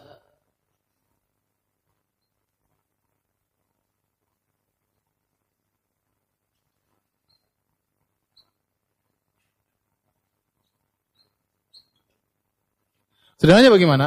Kita tidak akan mengetahui tentang sifat sesuatu kecuali kita tahu zat itu bagaimana baru kita bisa tahu tentang sifat zat tersebut. Ya. Misalnya kita bilang air, air apa? Zatnya adalah begini-begini. Ah, berarti dia sifatnya menjadi tempat yang rendah misalnya. Ya. Misalnya batu sifatnya begini, oh berarti zatnya begini, berarti sifatnya keras dan gini-gini. Ya. Misalnya manusia, manusia tidak sedaging dan darah, oh berarti sifatnya kalau kita robek akan keluar apa? Darahnya. Misalnya, dengan mengetahui zat, baru kita bisa bicara tentang sifat zat tersebut. Kalau zat tersebut tidak ketahuan, gimana kita mau bahas tentang sifat-sifatnya? Maka kalau Anda tidak tahu bagaimana zat tertentu, tidak mungkin Anda bicara tentang sifat-sifatnya. Karena pembahasan tentang sifat adalah cabang dari pembahasan tentang apa? Zat, paham? Dan tidak ada yang tahu bagaimana zat Allah Subhanahu wa taala. Karena Anda tidak pernah tahu bagaimana zat Allah, Anda tidak pernah bakalan tahu bagaimana sifat-sifat dari zat tersebut. Kaidah mengatakan al-kalamu fi zat, al-kalamu fi sifat far'un anil kalami fi zat. Pembahasan tentang sifat adalah cabang dari pembahasan tentang apa? Tentang zat. Paham? Paham tidak? Sini paham? Orang tanya, Ustaz, bagaimana cara Allah turun ke langit dunia? Pertama kita tanya dia, ente tahu Allah bagaimana? Enggak tahu. Ya sudah, kalau ente enggak tahu gimana turun, ente mau tahu. Langit saja ente tahu nggak gimana langit dunia, langit berikutnya, bagaimana? Ente juga nggak tahu, nggak pernah lihat langit setelah langit dunia ente nggak pernah lihat bagaimana. Ya. Jadi kalau orang ingin tahu bagaimana Allah turun ke langit dunia, pertama dia harus tahu Allah bagaimana dulu. Terus bagaimana dia tahu tentang langit gimana. Kemudian dia harus tahu ketiga keterkaitan antara zat Allah dengan langit bagaimana. Baru dia bisa bicara Allah turun ke langit dunia seperti apa. Paham? Kalau dia tidak tahu, nggak usah ngomong. Paham? Jangan dia menghayal. Kalau dia menghayal pasti salah. Karena dia pasti yang dihayalkan manusia, yang dihayalkan langitlah seperti tempat yang terbuka dan macam-macamnya.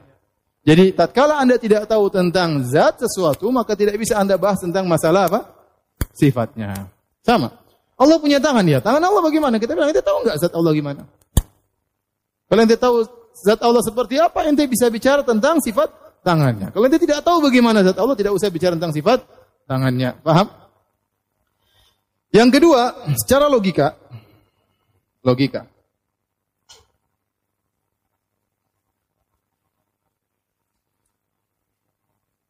Sesuatu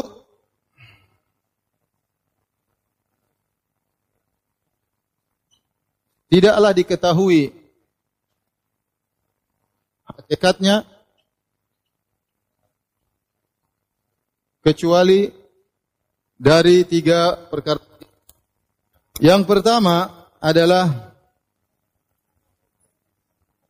melihat langsung. Yang kedua adalah melihat yang semisal yang ketiga dikabarkan oleh khabar yang siqah. Khabar yang siqah. Kita tidak bakalan, logika ini penting ya, ini penting. Kita tidak bakalan mengetahui hakikat sesuatu kecuali dengan tiga metode. Metode pertama, lihat langsung. Lihat langsung selesai. Kalau enggak melihat langsung, kita melihat yang semisalnya. Maka kita bisa bayangkan siapa dia dengan melihat apa? Semisalnya. Contohnya, uh, seorang bertanya tentang uh, Bintaro. Bintaro itu gimana? Eh, nanti sudah ini ikut saya aja. Dia nggak pernah tahu Bintaro seperti apa. Begitu dia datang ke sini, ya sudah ini Bintaro yang kamu dengar-dengar ini. Sudah lihat langsung, berarti tahu Bintaro seperti seperti ini. Kemudian misalnya dia tidak pernah lihat Bintaro. Ya. Bintaro kayak apa? Nggak tahu. Oh gampang aja. Kamu tahu Tegal kan? tegal tuh mirip-mirip Bintaro misalnya. Oh Bintaro tuh, oh ya Tegal. Oh, Bintaro kayak gitu. Dia melihat yang semisalnya. Ya. Berarti dia sudah ada bayangan tentang siapa? Tentang Bintaro. Paham? Dia tidak lihat langsung, tapi dilihat yang semisalnya. Atau dia tidak bisa melihat langsung dan tidak ada yang mirip dengan Bintaro, tidak bisa dibandingkan dengan Tegal. Tapi ada orang kasih tahu, oh Bintaro tuh begini, begini, begini. Ya, ada masjid ini, ini, ini. Oh jalannya begini, begini, begini. Sudah, berarti dia sudah bisa bayangkan. Karena ada yang kasih tahu. Yang memberitahu orangnya terpercaya. Paham? Maka seorang bisa mengetahui hakikat sesuatu dari salah satu dari tiga metode ini. Paham sampai sini enggak? Paham ya? Sekarang kita mau terapkan kepada Allah Subhanahu wa taala. Baik. Kita ingin tahu Allah Subhanahu wa taala. Bagaimana caranya? Melihat langsung enggak mungkin. Melihat langsung enggak? Enggak mungkin. Karena dalam hadis sahih Muslim kata Nabi sallallahu alaihi wasallam, "Ta'allamu annakum lan tarau rabbakum hatta tamutu." Ketahuilah, pelajarilah bahwasanya kalian tidak bisa melihat Allah sampai kalian meninggal dunia. Selama kalian masih hidup tidak bakalan bisa melihat Allah Subhanahu wa taala. Makanya Nabi Musa alaihissalam waktu beliau dipanggil oleh Allah Subhanahu wa taala di Bukit Tursina. Kemudian berbicara Nabi Musa dengan Allah Subhanahu wa taala. Kata para ulama, Nabi Musa merasa kelezatan luar biasa kebahagiaan luar biasa tatkala berbincang-bincang dengan Robnya. Maka dia pun rindu ingin melihat Allah. Maka dia berkata, Rabbi arini anzur ilaik. Ya Robku, tunjukkanlah dirimu aku ingin melihatmu. Maka kata Allah, lantaroni, kau tidak bisa melihat aku. Dia ingin, tapi kata Allah, lantaroni, kau tidak mampu melihatku. Kemampuan mata manusia tidak kuat. Jangankan melihat cahaya Allah, kita melihat matahari aja nggak kuat mata kita. Melihat orang ngelas saja mata kita nggak mampu untuk melihat. Banyak hal yang tidak bisa kita lihat. Jin tidak bisa kita lihat. Iblis tidak bisa kita lihat. Ya banyak hal yang tidak bisa kita lihat. Mata kita nggak mampu. Maka kata Allah lan tarani, kau tidak bisa lihat. Walakin inzur ilal jabali fa in istaqarra makanahu fa sawfa tarani. Walamma tajalla rabbu lil jabali ja'alahu dakka wa kharra Musa sa'iqa.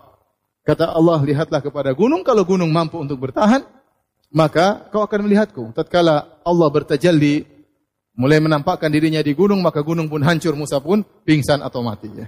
Tidak mampu, maka selama masih hidup tidak mungkin melihat Allah. Makanya waktu Nabi Muhammad SAW sudah naik ke Sidratul Muntaha. Sudah dekat Allah Subhanahu wa taala. Saking dekatnya sampai para sahabat bertanya, "Ya Rasulullah, hal ra'aita rabbak? Apa kau melihat Rabbmu?" Sudah dekat sekali. Ya, Jibril aja mundur, cuma Nabi SAW di situ ketemu dekat sekali dengan Allah Subhanahu wa taala. Nabi berkata, "Nurun anna arahu." Ada cahaya bagaimana aku bisa melihat Allah Subhanahu wa taala. Maka kemungkinan pertama melihat Allah secara langsung tidak bisa. Paham? tertutup metode pertama tidak mungkin mengetahui sifat Allah dengan melihat langsung. Paham? Baik, kita berpindah pada metode kedua, melihat yang semisalnya. Kalau kita nggak bisa melihat Allah, kira-kira ada yang semisal Allah nggak? Jawabannya nggak ada. Kata Allah, "Laisa kamitslihi syai' wa huwa samiul basir." Tidak ada yang serupa dengan Allah. Walam yakun lahu kufuwan ahad. Tidak ada satu pun yang serupa dengan Allah Subhanahu wa taala. Hal ta'lamu lahu samiyya? Apa kau tahu ada yang semisal dengan Allah? Jawabannya tidak ada semuanya. Kalau begitu, tidak ada yang semisal dengan Allah. Maka ini metode tidak bisa digunakan. Tinggal metode terakhir. Bagaimana kita tahu sifat-sifat Allah? Dengan pengkhabaran kabar yang sikoh. Yaitu Al-Quran dan Sunnah. Maka satu-satunya metode yang bisa kita lakukan dalam memahami sifat-sifat Allah adalah metode ketiga. Itu yang disebut oleh Taimiyah rahimahullah taala di antara iman kepada Allah, al-imanu bima wasafa bihi nafsahu fi kitabih wa bima wasafa bi Rasulullah Muhammadun sallallahu alaihi wasallam. Iman kepada Allah, sifat-sifatnya adalah beriman dengan apa yang Allah kabarkan dalam Al-Qur'an dan apa yang dikabarkan oleh Nabi dalam apa? Hadis-hadisnya. Paham? Maka metode inilah yang akan kita tempuh. Karena metode pertama tidak mungkin, metode kedua juga tidak tidak mungkin. Paham?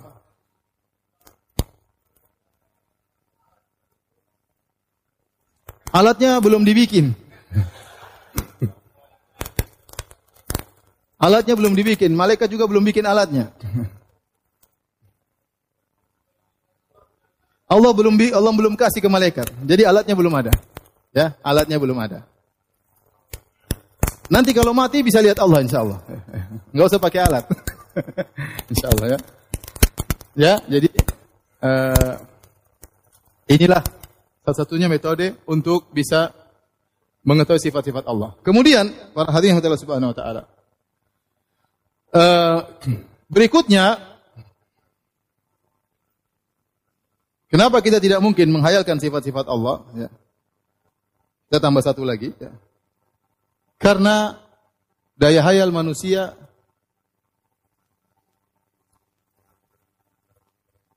terbatas. Sesuai dengan apa yang pernah ditangkap oleh panca indera.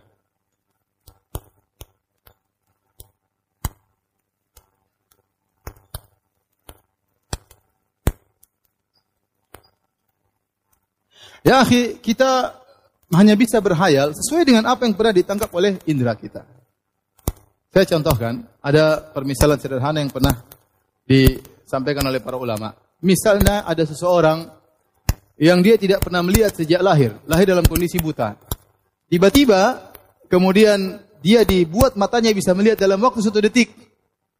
Tiba-tiba matanya melek bisa lihat dan dalam satu detik tersebut dia hanya melihat seekor ayam jago. Kemudian dia buta kembali. Yang pernah ditangkap oleh indera matanya adalah apa? Ayam jago. Maka kalau diceritakan kepada dia, ya akhi, ada namanya gajah, binatang begini.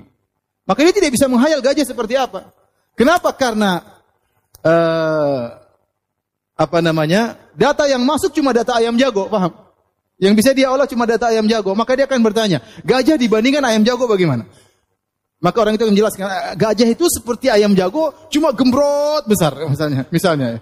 Misalnya, ya dia tidak bisa mikir kecuali ayam jago. Sampai nanti orang itu cerita sama dia, ya akhi, ada namanya cewek. Kata dia cewek dibandingkan ayam jago bagaimana? ya itu seperti ayam jago, cuma panjang rambutnya misalnya. Dia tidak punya data kecuali ayam apa? Ayam jago. Karena manusia tidak bisa menghayal kecuali dengan apa yang pernah dia tangkap seperti itu. Makanya dan itu pernah terjadi ada sebagian ulama di sempat dia melihat lampu di di di Arab sana lampu di rumah lampu-lampu kecil atau lampu minyak tanah atau yang lainnya. Kemudian itu dia buta. Itu dia buta. Kemudian muncul hal-hal yang baru seperti mobil dan yang lainnya. Kalau dicerita tentang lampu mobil dia bertanya bagaimana lampu mobil dibandingkan dengan lampu yang pernah saya lihat.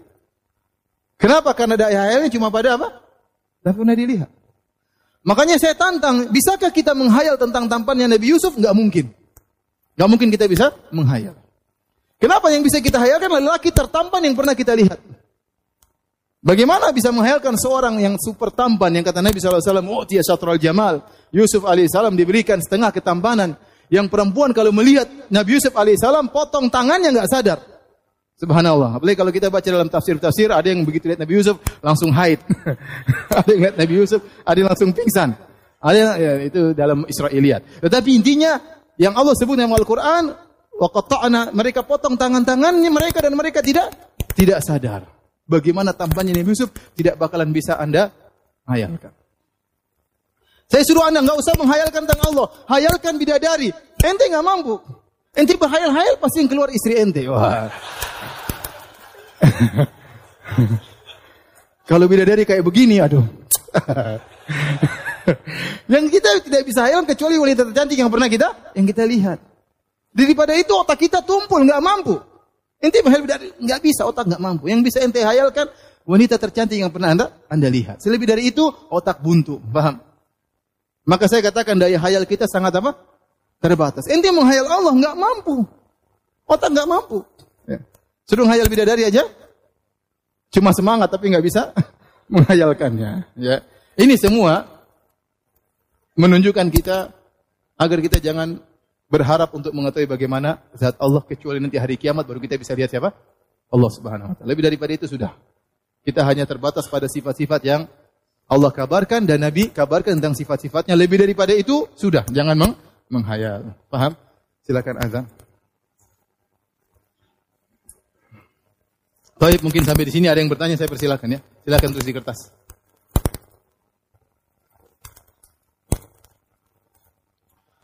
Baik, ikhwan dan akhwat yang dirahmati Allah Subhanahu wa taala, masih banyak pembahasan cuma waktu tidak cukup. Pembahasan berikutnya lebih sulit lagi tentang tahrif, kemudian ta'til, kemudian takhif dan tamsil.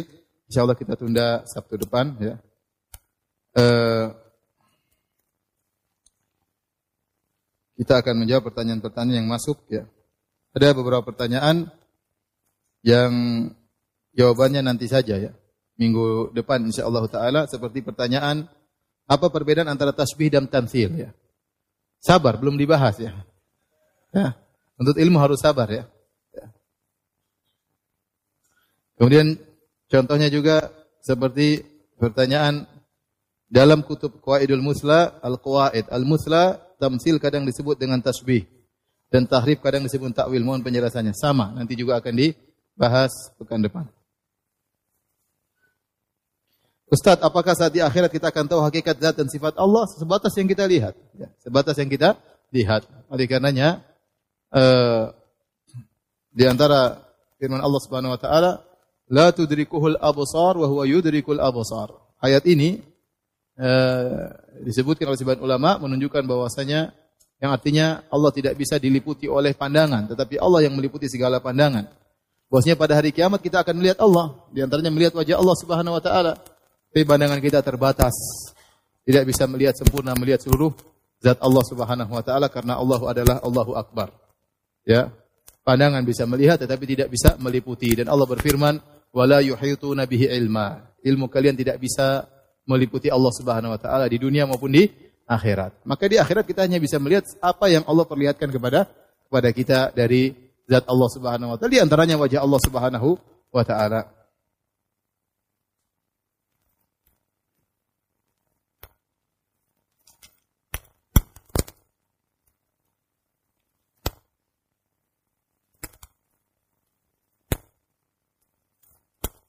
Bagaimana menghadirkan rasa diawasi oleh Allah? Melalui sifat Allah yang maha mengawasi. Jujur saya sangat lemah iman dan terkadang menyepelekan bahwa Allah maha mengawasi.